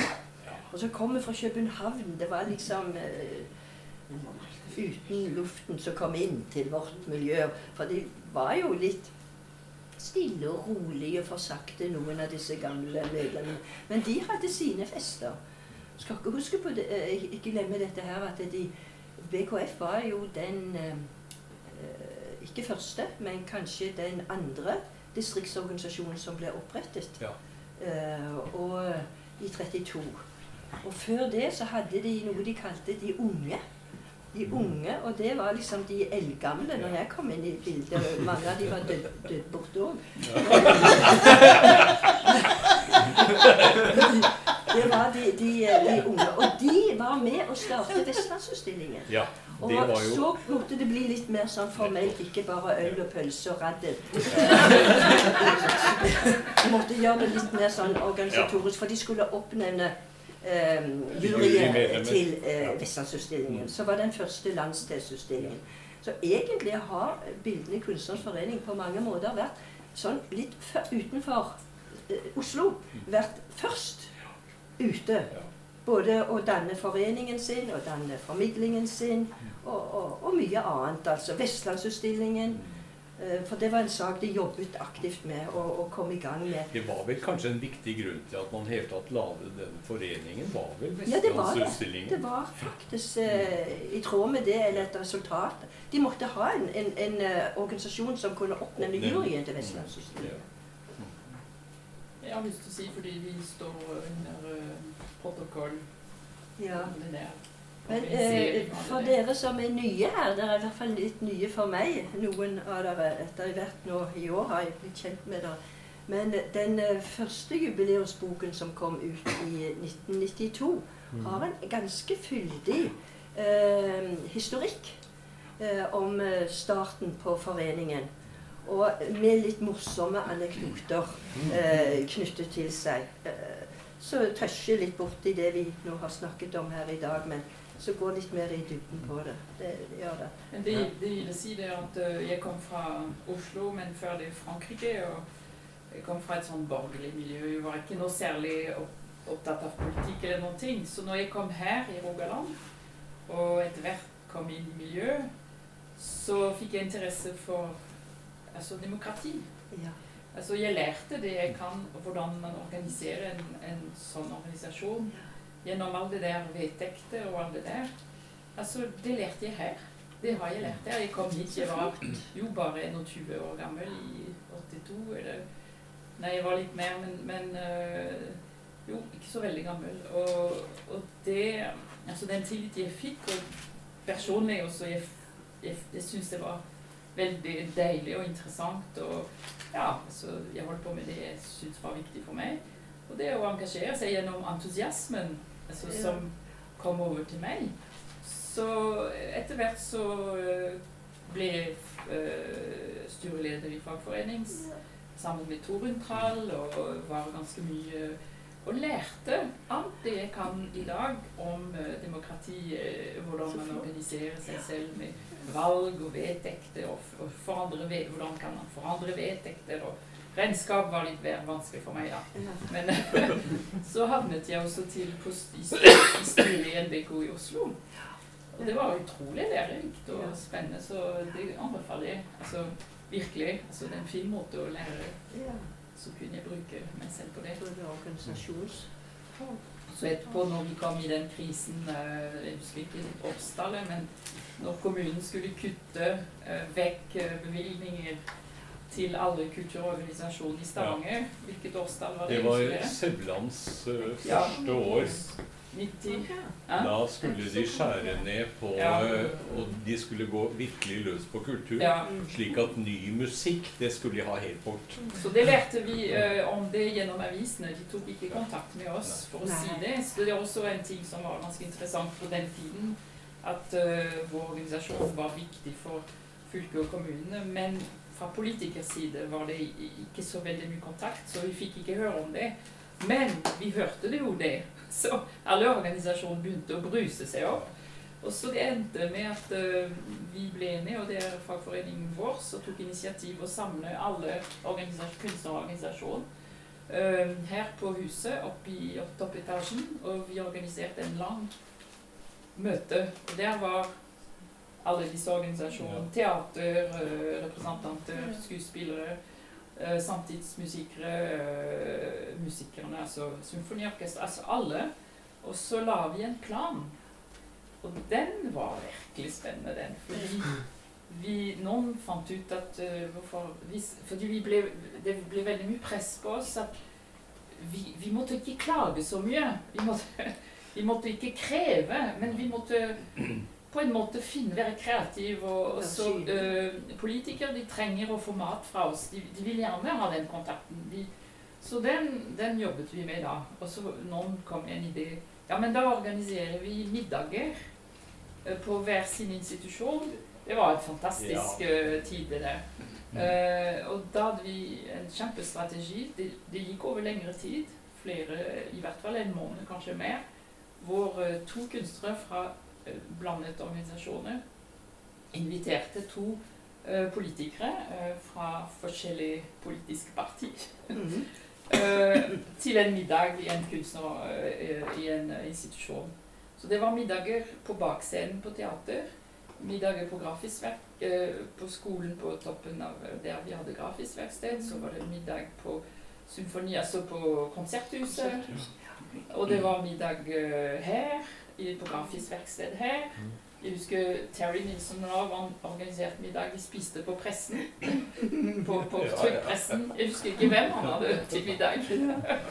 Men på den tiden så, og så skjedde det en hel omvending. En snuoperasjon. Jeg er kanskje kjent med det store mangfoldet og den rikdommen. Ja, altså, det var så Men det var jo også noe annet som skjedde, Ja. og det var at man eh, Altså på Vestlandsutstilling, som vi snakket om, eh, som det var også tidligere på Høstutstilling, så kunne man sende inn som gruppe. Og da ble man ikke enkeltarbeidende uh, juryert, Mm. men gruppen sendte inn. Og så lagde man en aksjon hvor alle skulle tegne karikatur av Sevland. Den. Ja, den var ikke så- Den var Jo, ikke så men den var effektiv. Ja, det var det jeg skulle si. Altså, det toppet seg med en som hadde tegnet Sauland som Hitler. Og det var ikke så helt Ja. eh, ok, altså. Det var Men- rektor på kunstskolen. Nei, det var ikke meg! Nei. Nei. Men øh, effekten av det var betydelig fordi at jeg snakket med en som øh, var nokså høyt oppe i kommunen, som satt nokså nær Sauland. og Sauland sa ok, hvis vi noensinne er nødt til å skjære, ut, så skal det ikke være på kulturbudsjettet!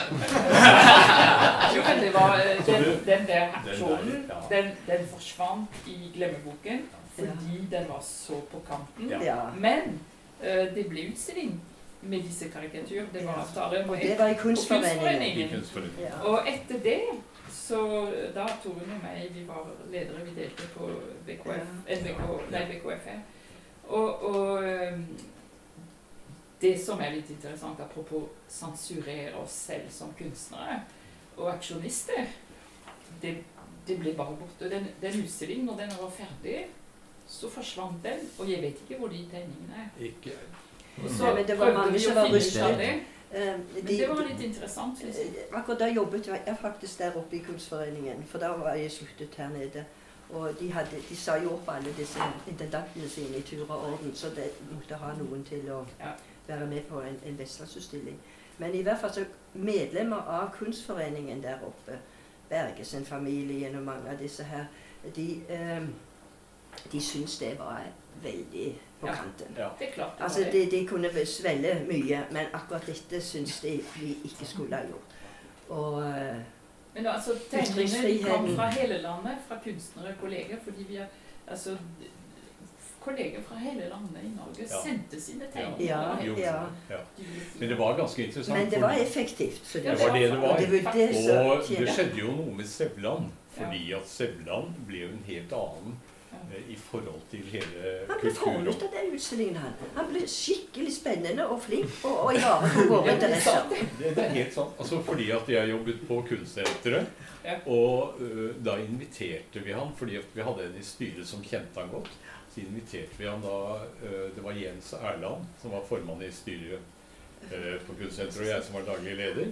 Og vi satt og pratet med Sevland om uh, forskjellige ting på kunstveien. Og han følte seg veldig fri etter hvert til å spørre om ting som han syntes var det var bl.a. Uh, utstilling i Galleri Pissoar og sånn som han lurte veldig på om det var rimelig at kommunen var med å betale for, og en rekke andre ting, altså. Ja. Men han, ble, han lot seg jo òg være med i et eh, sånn konseptuelt eh, prosjekt hvor Ja. noen Ja. eh, gikk inn i et rom med han der osv. og så videre. Så han ble faktisk ganske sporty og, og veldig med. Og jeg tror at han lærte ganske mye om det han holdt på å, å slå strek under når det gjaldt budsjettbehandlingen og bevilgninger osv. At det førte til at han ivaretok våre interesser. Han ble kjent med oss. Ja. Sami vil si noe. Jeg vil bare spørre, Hvilket år var det Sevland Altså hvilken periode snakker vi om nå? Ja. Det er ute Altså på 90-tallet. 2008 ø, Europeisk kultur, vi var han på enda. Ja.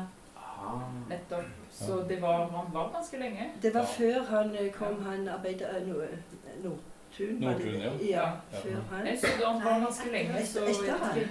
Nordtun var først, så kom Helgø. Før hun Ja, men da må det ha vært på Han må ha vært i to perioder. Helt på slutten av 90-tallet. begynnelsen av minst 2000. Jeg tror tror det dette var- helt på slutten, for dette 90-tallet. har ikke jeg fått med meg i det hele tatt. Og, da var du ute og reiste. Ja. Det var du, som, du, Eli, som ringte til meg da jeg var i Italia et, og spurte om jeg kunne komme hjem og så ta Vestlandsutstillingen opp i Kunstforeningen. Ja. For det var ikke ansatte folk. Og det var etter det. Ja. Etter den Det var så- etter vår 96, 97 Det kan det var i hvert fall Jo. før jeg sluttet. Jeg sluttet i Ikke sant? Ja. Yes. Det må ha vært Så da er det rundt 96. Det var noe sånt. Ja. Det kan det sikkert. Men hus, øh, Garantijordtegningen, de er vekk. Ja. Ja. De fins et sted. Men, Det men finnes et sted. bare, Med men, mindre det blir oversvømmelse på dem. Sikkert. men jeg det har ikke blitt, jeg har ikke sett noe Nei, det sånn tror jeg vet ikke hvor de har. mugginfisert. Det har sluttet på. Kunstforeningen, så der, derfra Ja, Det var jo Håkon som organiserte alt sammen, så akkurat. ja. Men, men er det en måte dere anbefaler å påvirke ordføreren? Ja, det var akkurat det jeg skulle si, eh, komme litt inn på. Jeg, jeg syns jo det at før den tiden der, da kommunen ga ut sine første kulturplaner osv., og, og, og vi var faktisk kommet opp her, så det må jo ha vært på begynnelsen av 80-tallet, så eh, ringte faktisk kultursjefene ned her på kontoret og ber at du skal få fire sider til disposisjon i den eh, nye kulturplanen. Og de var, begynte å bli veldig åpne for at vi eh, vi skulle være med. Vi var en del, et viktig bilde i hele uh, dette her. Og de, de la møtene sine ned her, fordi at vi skulle være gode pedagoger for politikerne. da. Og de ville bli kjent med virksomheten. Så nesten årlig så hadde både fylket og kommunen et, et møte her nede med kulturstyret sine. Og eh, fikk en liten introduksjon. Og for å bli kjent med hva de skulle bevilge penger til. For politikerne skifter jo ikke sant, hele tiden. Det kommer nye til. Så, så det følte jeg at jeg hadde en, en ganske Da kom jeg på en historie, nettopp et sånt møte Ja. hvor de hadde her. Og så skulle de eh, gå og bevege seg i hele bygget for å se på hele bygget. For jeg jobbet på kunstskolen da, så jeg skulle ta de med helt opp på loftet. Ja. Og uh, han uh, Jan Johnsen var ikke det han het? Han, ja. ja. Da han kom helt opp på loftet, så var han så andpusten og så sliten. Og han måtte stå og holde seg i rekkverket, og så sa han Hvorfor har dere ikke heis her? sier han. Så sa jeg ja, nei, vi har et kjempeproblem med huseieren. Han er ikke villig til å investere noen ting i dette huset. Det er ikke vedlikehold, det er ingenting. Og som du skjønner, det er ikke heis. Det går ikke an, sa Jan Johnsen. Hvem er den huseieren? Det er Stavanger kommune.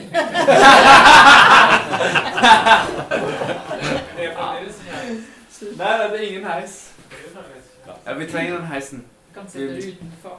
Nei, nei, vi må ha den heisen. Vi Ja, hadde en, eh, en, en, en, ikke en heis som vi kunne være i. Skjønt det kan godt hende noen satte seg inn i den òg for å slippe å gå i trappa. Men uh, det var jo noe sånn eh, restaurant. Snoopy. Snoopy, ja. Diskotek var uh, etasjen over.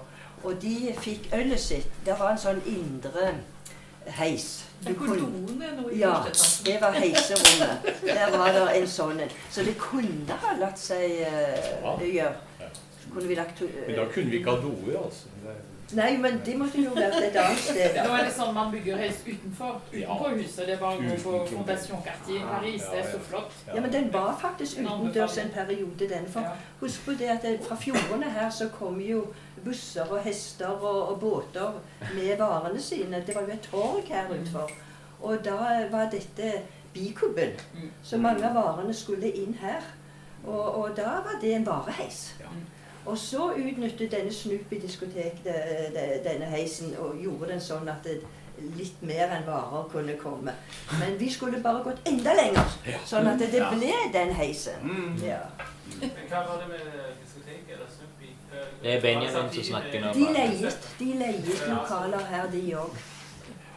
Og kommunen hadde òg et par kontorer i tredje etasje. Tredje etasje. Vi kom inn i første etasje med galleri og verksted. Og så em, etter hvert så ble tredje etasje frigitt helt, sånn at vi kunne få kontorer. Og så søkte vi Kulturrådet om å få eh, atelier på toppen til skolene. Og i mellomtiden mens de ble bygget, så vandret kunstskolen litt rundt omkring. I loka mens selve sekretariatet til kunstskolen lå i tredje etasje. Men eh, undervisningslokalene var flere steder på byen. Kom de inn der. Hvilke, hvilke årstall var snuping, Og, og hvilken etasje lå det? Ja, Hvis du tenker deg at vi flyttet inn her i 1980, så var det fra 80 også utover til de òg. Og det var ganske um, Det var litt mye musikk om nettene og kveldene og, og halv klasse og så videre. Så det var ikke det helt enkleste. Uh, men det Jeg vet ikke hvor de ble av. Om det ble nedlagt eller hva. Vi hadde i hvert fall en stor fest der. Eh, Var ikke du med, Sissel, da? Da vi hadde en eller annen fest og fikk lov å låne Snoopy sine lokaler. Du var med, Turi, for du gikk hele tiden rundt og sang 'Money, money'. money. Så det var de der svenske artistene eh, som sang.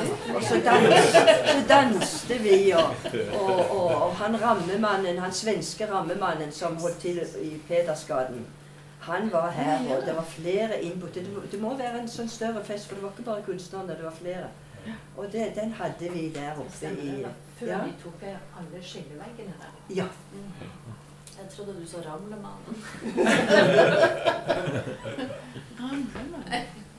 Ja, men jeg husker at eh, eh, Hugo tok meg med i det bygget her og gikk opp og sa at her skal bli kunstnersenter. Mm. Og da var det sånne ekle sånne puffer med skumgummi på, Mm. som var ganske søl av ubestemte ting, altså. Og jeg tenkte ah, her blir det mye sånn å gjøre. det simpel nattklubb oppe. Ja, ja. Litt.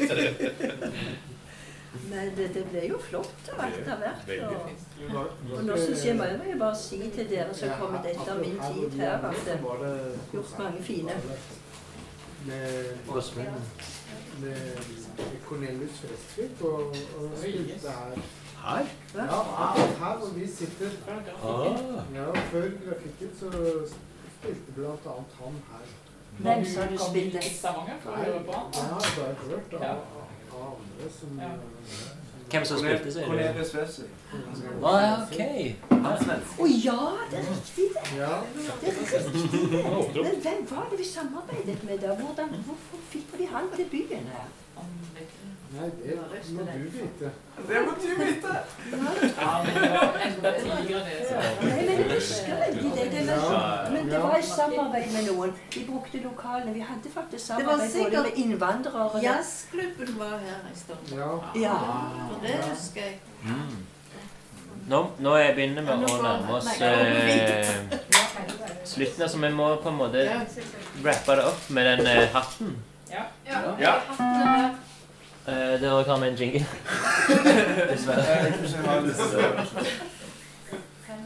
Så det er lunkne spørsmål fra hatten. Eh, hatten er den eh, Denne her. Ja. spørsmål. Eh, hvor mange spørsmål er det der oppi? Mange. Han lager noen ekstra nå. Men vi plukker ut tre, Ja. tre spørsmål, Ti spørsmål. dessverre. Og da må vi finne ut hvem, hvem skal være den som plukker ut disse. Hvem Altså Ja. Ja. Hva gjør de blinde, eller noe sånt? Ja, nå må du være blind. Det her får du improvisere. Det her er en eh, improvisert uh, jingle. Ja. Ja. Tre, fire. Oi, der var den. Oi, masse lapper.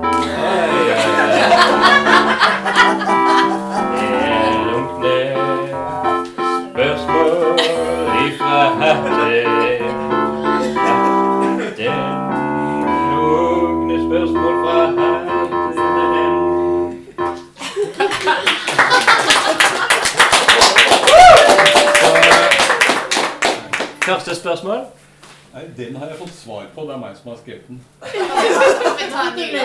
Da plukker vi en ny. Da Jeg leser er? Nils den Når lappen. var konfliktnivået så høyt at det måtte være en ordstyrer utenfra Ja, for å lede det skulle- årsmøtet? Ok. Ok. Den, det vin, var- den vinner ingen T-skjorte. Eh, Ja, det var midt Det på var sånn 80-tallet. midt på 80-tallet, tror Ja, midt på 80-tallet. Ja. Men vi har svart på det, så kanskje vi tar en Ja. Ta en til. Ta en til. Hvem i RKS sin historie har hatt de kuleste hattene? Tantene eller tankene? Hattene. Hattene. Hattene, tankene og tantene. Jeg tror, tror det vi går for hatt. Eh, hvem som har hatt kulest hatter i historien i de 40 år. Eh, blant kunstnerne. Alle. Er det du som er eh, Ja, vet du, eh, var, jeg tror ikke det var som Ja, ja, det var noen damer og tekstilkunstnere, men jeg husker i hvert fall hun eh, Kreig sin mor. Ja. Kirsten var Hun. Hun hun var aldri medlem, og det kunne være blitt. Hun vi er aldri medlem. Ja, men, men uh, hun var veldig knyttet til stedet vårt. Møtte opp for alle utstillinger og det hele. Men jeg mener jo det at, at du eh, Turi òg var Jeg hadde din noen hest. festlige hatter. Ja. Nei, da Turi for eh, ellers så. Har en ennå. Så her. Husker den. Her er det noen kule hatter. Nå har Torunn funnet fram det et lite fotoalbum. Nils må ha den. Men du ser jo ut som hun er heksen i et eventyr. Er det Nils? Jeg husker det, ja. Vi har en del eh, forslag her. Jeg tror vi har deg og Har? Ikke med hatt. Jo. Jo, Det var en veldig fin hatt- og- Som spørsmålets uh, giver. Ja, det var Nils en veldig fin heksehatt. Nils, du vinner kanskje den. Du vinner kanskje den. Ja, skal vi se hvilke fine turer. Det var en fest oppå uh, Skolen. På skolen, ja. Ja. Mm. Jeg husker ikke lenger hva det var, men det var jo tydeligvis Det var Jeg, jeg lurer på om eh. Turi er en runner-up med den der. Ja, den er jo fin, da! Det En opplagt vinner. Det, det ser ut som et juletre. Kan du Altså, det her er visuell kommunikasjon. Ja, visuell Visuell. kommunikasjon. Du må spille visuelle Beskrive Turi sin hatt. Ja. Uh, det ser ut La meg vi en jingle på det. Ja. Han- Turi sin hatt Ser ut som? Guri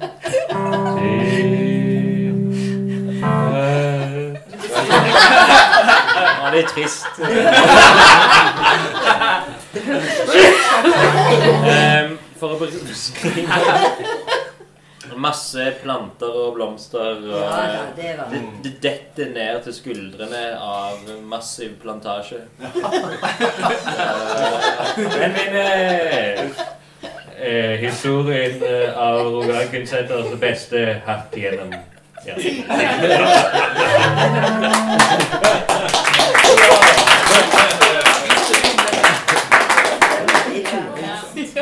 Siste spørsmål. Nei, for vi skulle trekke et nytt et, for det andre fikk vi jo Det første fikk vi Altså, det- Det var et spørsmål. en- Er det et de som oppi der? Nei, jeg har en- hatt? Jo, det var jeg trodde den var du chips? Luktene. Vi har ingen rekruttering. ting. her er hatten i hvert fall. En, vi skal ha en, ett til Ja, du hadde- spørsmål avslutter. To til. Vi har to. Hva er det beste Vi har en.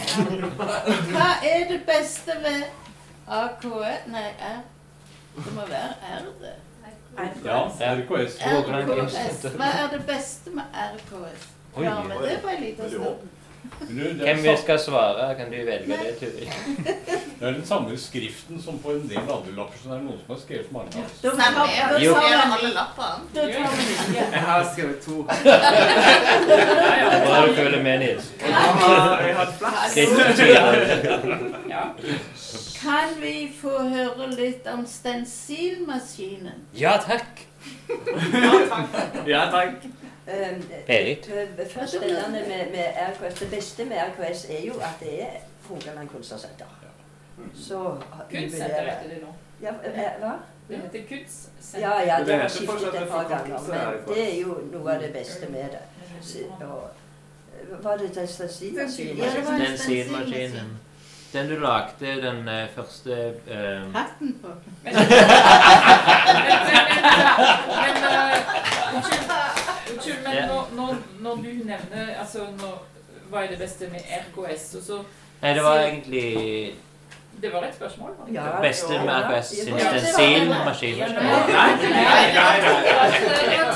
Nei, ok, i Jeg- gjerne påpeke tross alt, hvis folk ikke vet det, syns jeg er litt viktig. At eh, det ble hetende Rogaland Kunstnersenter frem til Randi Øgland sin tid. Mm. Og så ble det forandret til Rogaland Kunstsenter. Vet du Er det eksakt år? det? Nei, det skjedde faktisk. Jeg var fremdeles der når det ble forandret. Eh, Nei, det var, Nei, det var under Randi. nei, det var Viking. Det var Viking. Det var ikke noe Når jeg var her, så var det kunstnersenter. Og jeg ble spurt om hva jeg syns om å endre det, og jeg syns ikke noe om det. Det var også eh, nettopp Mm. ikke enighet om det. Nei. Jeg var blant de som syntes kunstsenteret var bra. Ja. Fordi at uh, man satte fokus på kunsten og ikke på kunstneren. Ja. Selvfølgelig. Det er ganske viktig, faktisk. Ja. Men jeg Så kan man syns ha en hånd opp Jeg synes det viktig Hvem syns det er best med kunstnere? Ingen kunst uten kunstnere. Nei. Og kunst, kunsthandlere har vi, og vi har kunstforeninger, og vi har kunst og, Ja, det er sant. og brød. Kunstner, det er Så- Så går det an å samle det igjen til kunstnersenteret. Ja, men det, for 2025 håper vi på kunstnersenter. Det var den eneste organisasjonen som hadde fokus på kunstnerne. Mm. Det Ja, så jeg syns òg det var litt leit når det Men nå skal vi ta den siste ja. Hvis vi kunne mimre fremtiden, kan noen fortelle? Oi, oi, oi. Vi trenger en tidsmaskin for det, ja. Må finne den yngste i rommet. Det var en fremtidslyd. Ja. Det var. Ja, fortell. Fortell. Hva er det beste? Altså, nå er det jo veldig mange gamle som har uttalt seg om fortiden. Nå bør noen yngre uttale seg om fremtiden. Men hvor var mitt spørsmål? Jeg hadde jo også et spørsmål. I Men du kan svare på de spørsmålene. Men vi kan bruke det til neste bilde. Men bare spar det opp til neste, for vi kommer til å ha eh, mer. Siden, eh, siden jeg var den som spurte om den med mindre fremtid. Det har en sin historie. Fordi frem til nå, når jeg har vært på møte, og Geir Harald setter styr, så har han Nei, nå snakker vi om nå og fremtiden. De der gamle har ikke ord lenger. For fordi det, de, det, det nytter ikke bare å mimre og 'det var bedre før' og sånn. Så nå kommer jeg, da. Kan dere fortelle om fremtiden? Da har vi jo et problem. Da er jo ikke Geir her. Har dere visjoner? Ja, vi har jo visjoner. Jeg sier dere fordi jeg følger med i- blant den eldre garden. Markus Bråten som sitter der bak. Eh, nyetablert eh, atelier på Tau Scene. Ja. Skal jeg svare, svare på det? Hvis du har lyst, hvis du har eh, Det er ikke noe sånn at du må tvinges til det. Nei, jeg har ikke fått god nok oversikt ennå på hva, hva som har eh, foregått her nå den siste, siste tiden, så jeg vet ikke Har du helt. noe ønske om eh, kunstsenter skal altså, Altså Det er også det at fordi det starter med visjoner i gamle dager, så, Mm. så for å bære videre, så er jeg helt enig, man skal ikke bare mimre. Ellers får man ikke Mm. noen yngre folk til å interessere seg for å se det. Sami har lyst til å snakke. Han er jo går på kunstskolen i Rogaland nå. Ja. Um, ja, men så er det samtidig Det er veldig fint i dag at vi har at vi har med eldre gaten som ikke alltid er her, men som har vært her nå i forbindelse med det siste utstillingen. Men det, det, det, er liksom, det er ingen framtid uten fortid, så man må liksom jobbe videre på det de andre har gjort, tenker jeg. Ehm, Men hva som blir det neste, det, det er et godt spørsmål. Um, Podcast. Men er det noen behov hos dere yngre eh, generasjon? Det var jo behov litt i bunn når de gamle startet sin forening og sin formidling osv. Men dere som er unge her, eh, er der, for det, det, det, det vokser jo frem ut fra et behov òg. Ja. Men, men hva var de behovene den gangen? Sånn hvis du skulle Det var vel for å, å, å ha litt hånd om formidlingen av eh, deres arbeider. Og, eh, og, og få innflytelse på den formidlingen. Jeg syns LF Gryte òg sa Og det skape et miljø. I 1966. Ja. Å få folk tilbake igjen Ja. til Stavanger og Men også behov gikk på uh, Den er fortsatt sikkert her enda, kanskje mindre enn før, men jeg tror det å skape den kunsten kunstneren mener den har behov for å skape sin kunst. Og vi har masse rundt omkring, eh, og inni oss, uh, sensurkrefter. Eh, og det var, hvis jeg husker godt, det var et behov for kunstnerens kunst bestemme kunstnerens hva skal være, og ikke de som skal kjøpe den. Ikke politikerne. Ikke, men, men det vi skaper, er viktig. Og ingen andre enn oss kan få det frem. Det er fordi det var sånn. Det var ingen andre enn kunstneren. Det er kunstneren som fikk det frem. Og vi er hele tiden, eh, når vi snakker om det, vil jeg si, i en sånn uh, Det pumper tiden og historien to skritt frem, tre tilbake. Mm. Så hvilken tid er vi nå i forhold til de behovene som var da? Hvordan er behovene i dag? tenker jeg. Nils vil Ja, ha seg. jeg tror at du er inne på det som er viktig, fordi at uh, begynnelsen av 70-årene er en periode hvor kultur ble gjenstand for politikk. Det hadde det ikke vært før. Altså, det ble liksom aktivt fra politisk hold snakket om kulturen. Og man skulle begynne å bruke penger på å styre kulturen. Samtidig så ble vi veldig opptatt av det som ble nevnt, at det fantes en statlig kunstformidling, museene. Det fantes en frivillig en, som var kunstforeningene. Det fantes en kommersiell en, som var nesten ikke-eksisterende. Det var kunsthandlerne. Det fantes nesten ingenting. Privatgalleriene. Privatgalleriene. Og det fantes kunstnerstyrte. Og det som var et særpreg i Norge på mange måter, var at den kunstnerstyrte var såpass viktig til å legge normer for de betingelser kunstnerne hadde for å vise sine egne arbeider. Mm. Det skjønte man at det var vi lagt fremme for i, i Norge, og i for så vidt i Norden. I i Og, og i forhold til f.eks. det. Sånn at det ble en veldig viktig område å prioritere. Slik at jeg husker begynnelsen av 70-åra hvor vi hadde masse seminarer og vi holdt på som bare søren. Så var liksom det greia Det var på en måte å forsvare det med kunstnerstyrte institusjoner. At kunstnerne må ta hånd om dette. Ellers så ble det enten politisk, som det var i Øst-Europa og sånn, eller eh, mange andre steder også, hvor det var kommersielt. ikke sant? Her hadde vi jo kunstforeningene, som jo var nokså ideelle på mange måter. altså. Men vi visste jo også hvordan de drev. Ikke så veldig profesjonelt, de fleste. Ikke sant?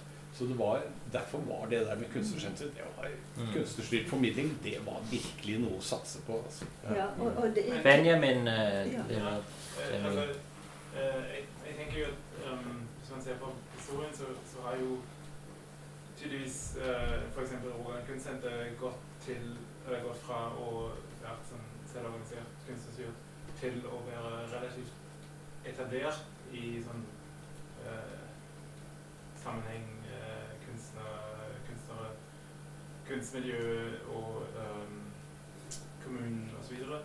Uh, og så er det kanskje på tide at kunstnerne, eller de som utøver um, eh, utøvere, uh, går litt mer inn i samfunnet igjen og uh, er mer politisk enn altså, enn de har vært de siste 20-40 årene siden 70-tallet.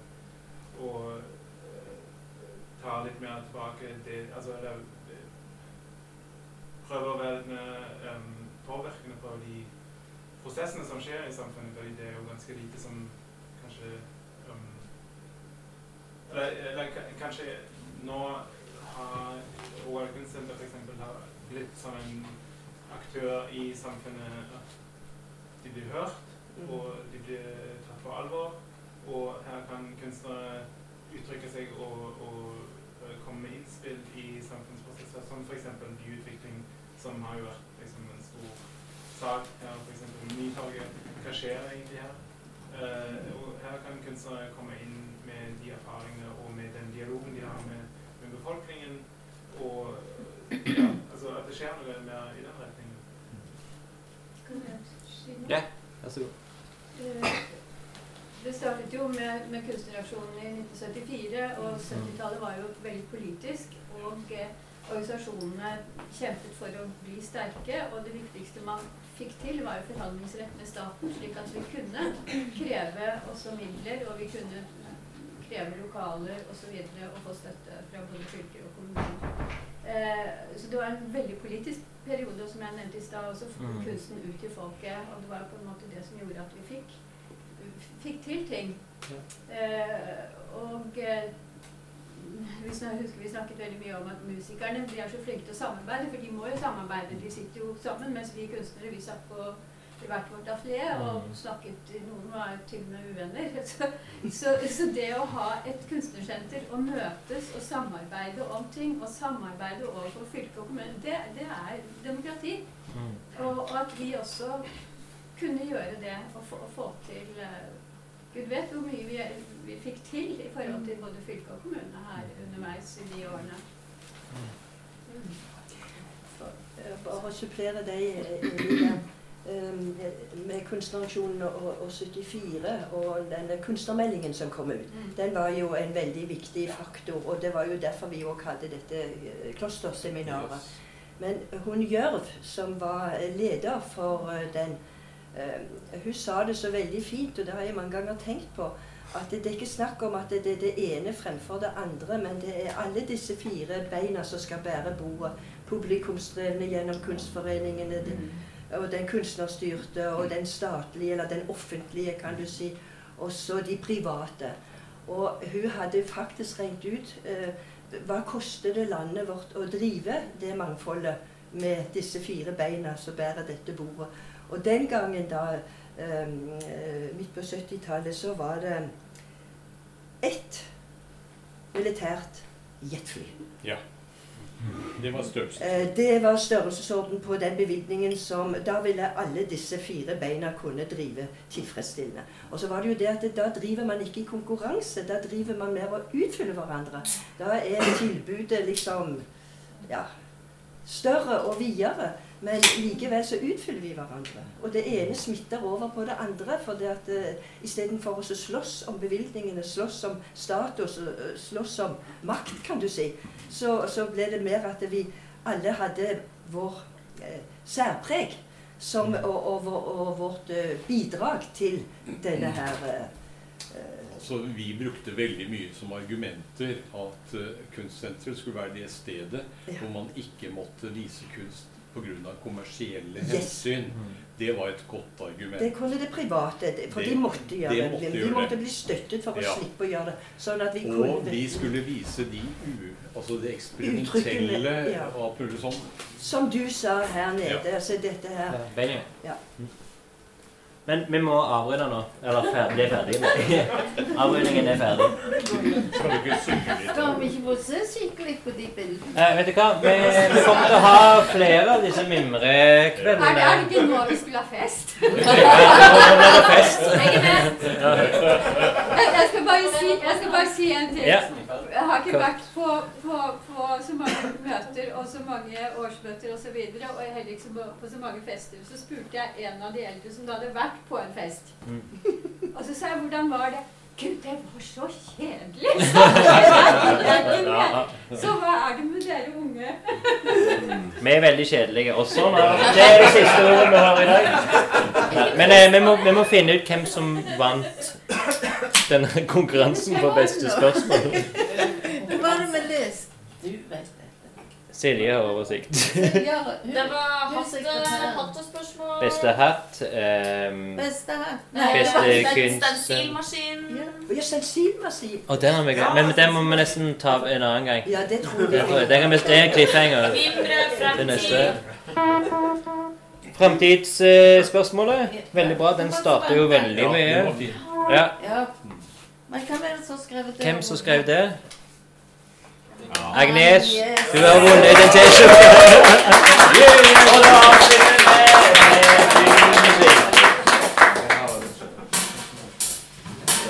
Avslutningstakk for i dag. Eh, Det var veldig kjekt at eh, så mange kunne komme. Eh, Veldig gøy. Og vi skal ha mer av disse mindre stundene. Kanskje det var en prøverunde. Men eh, lunken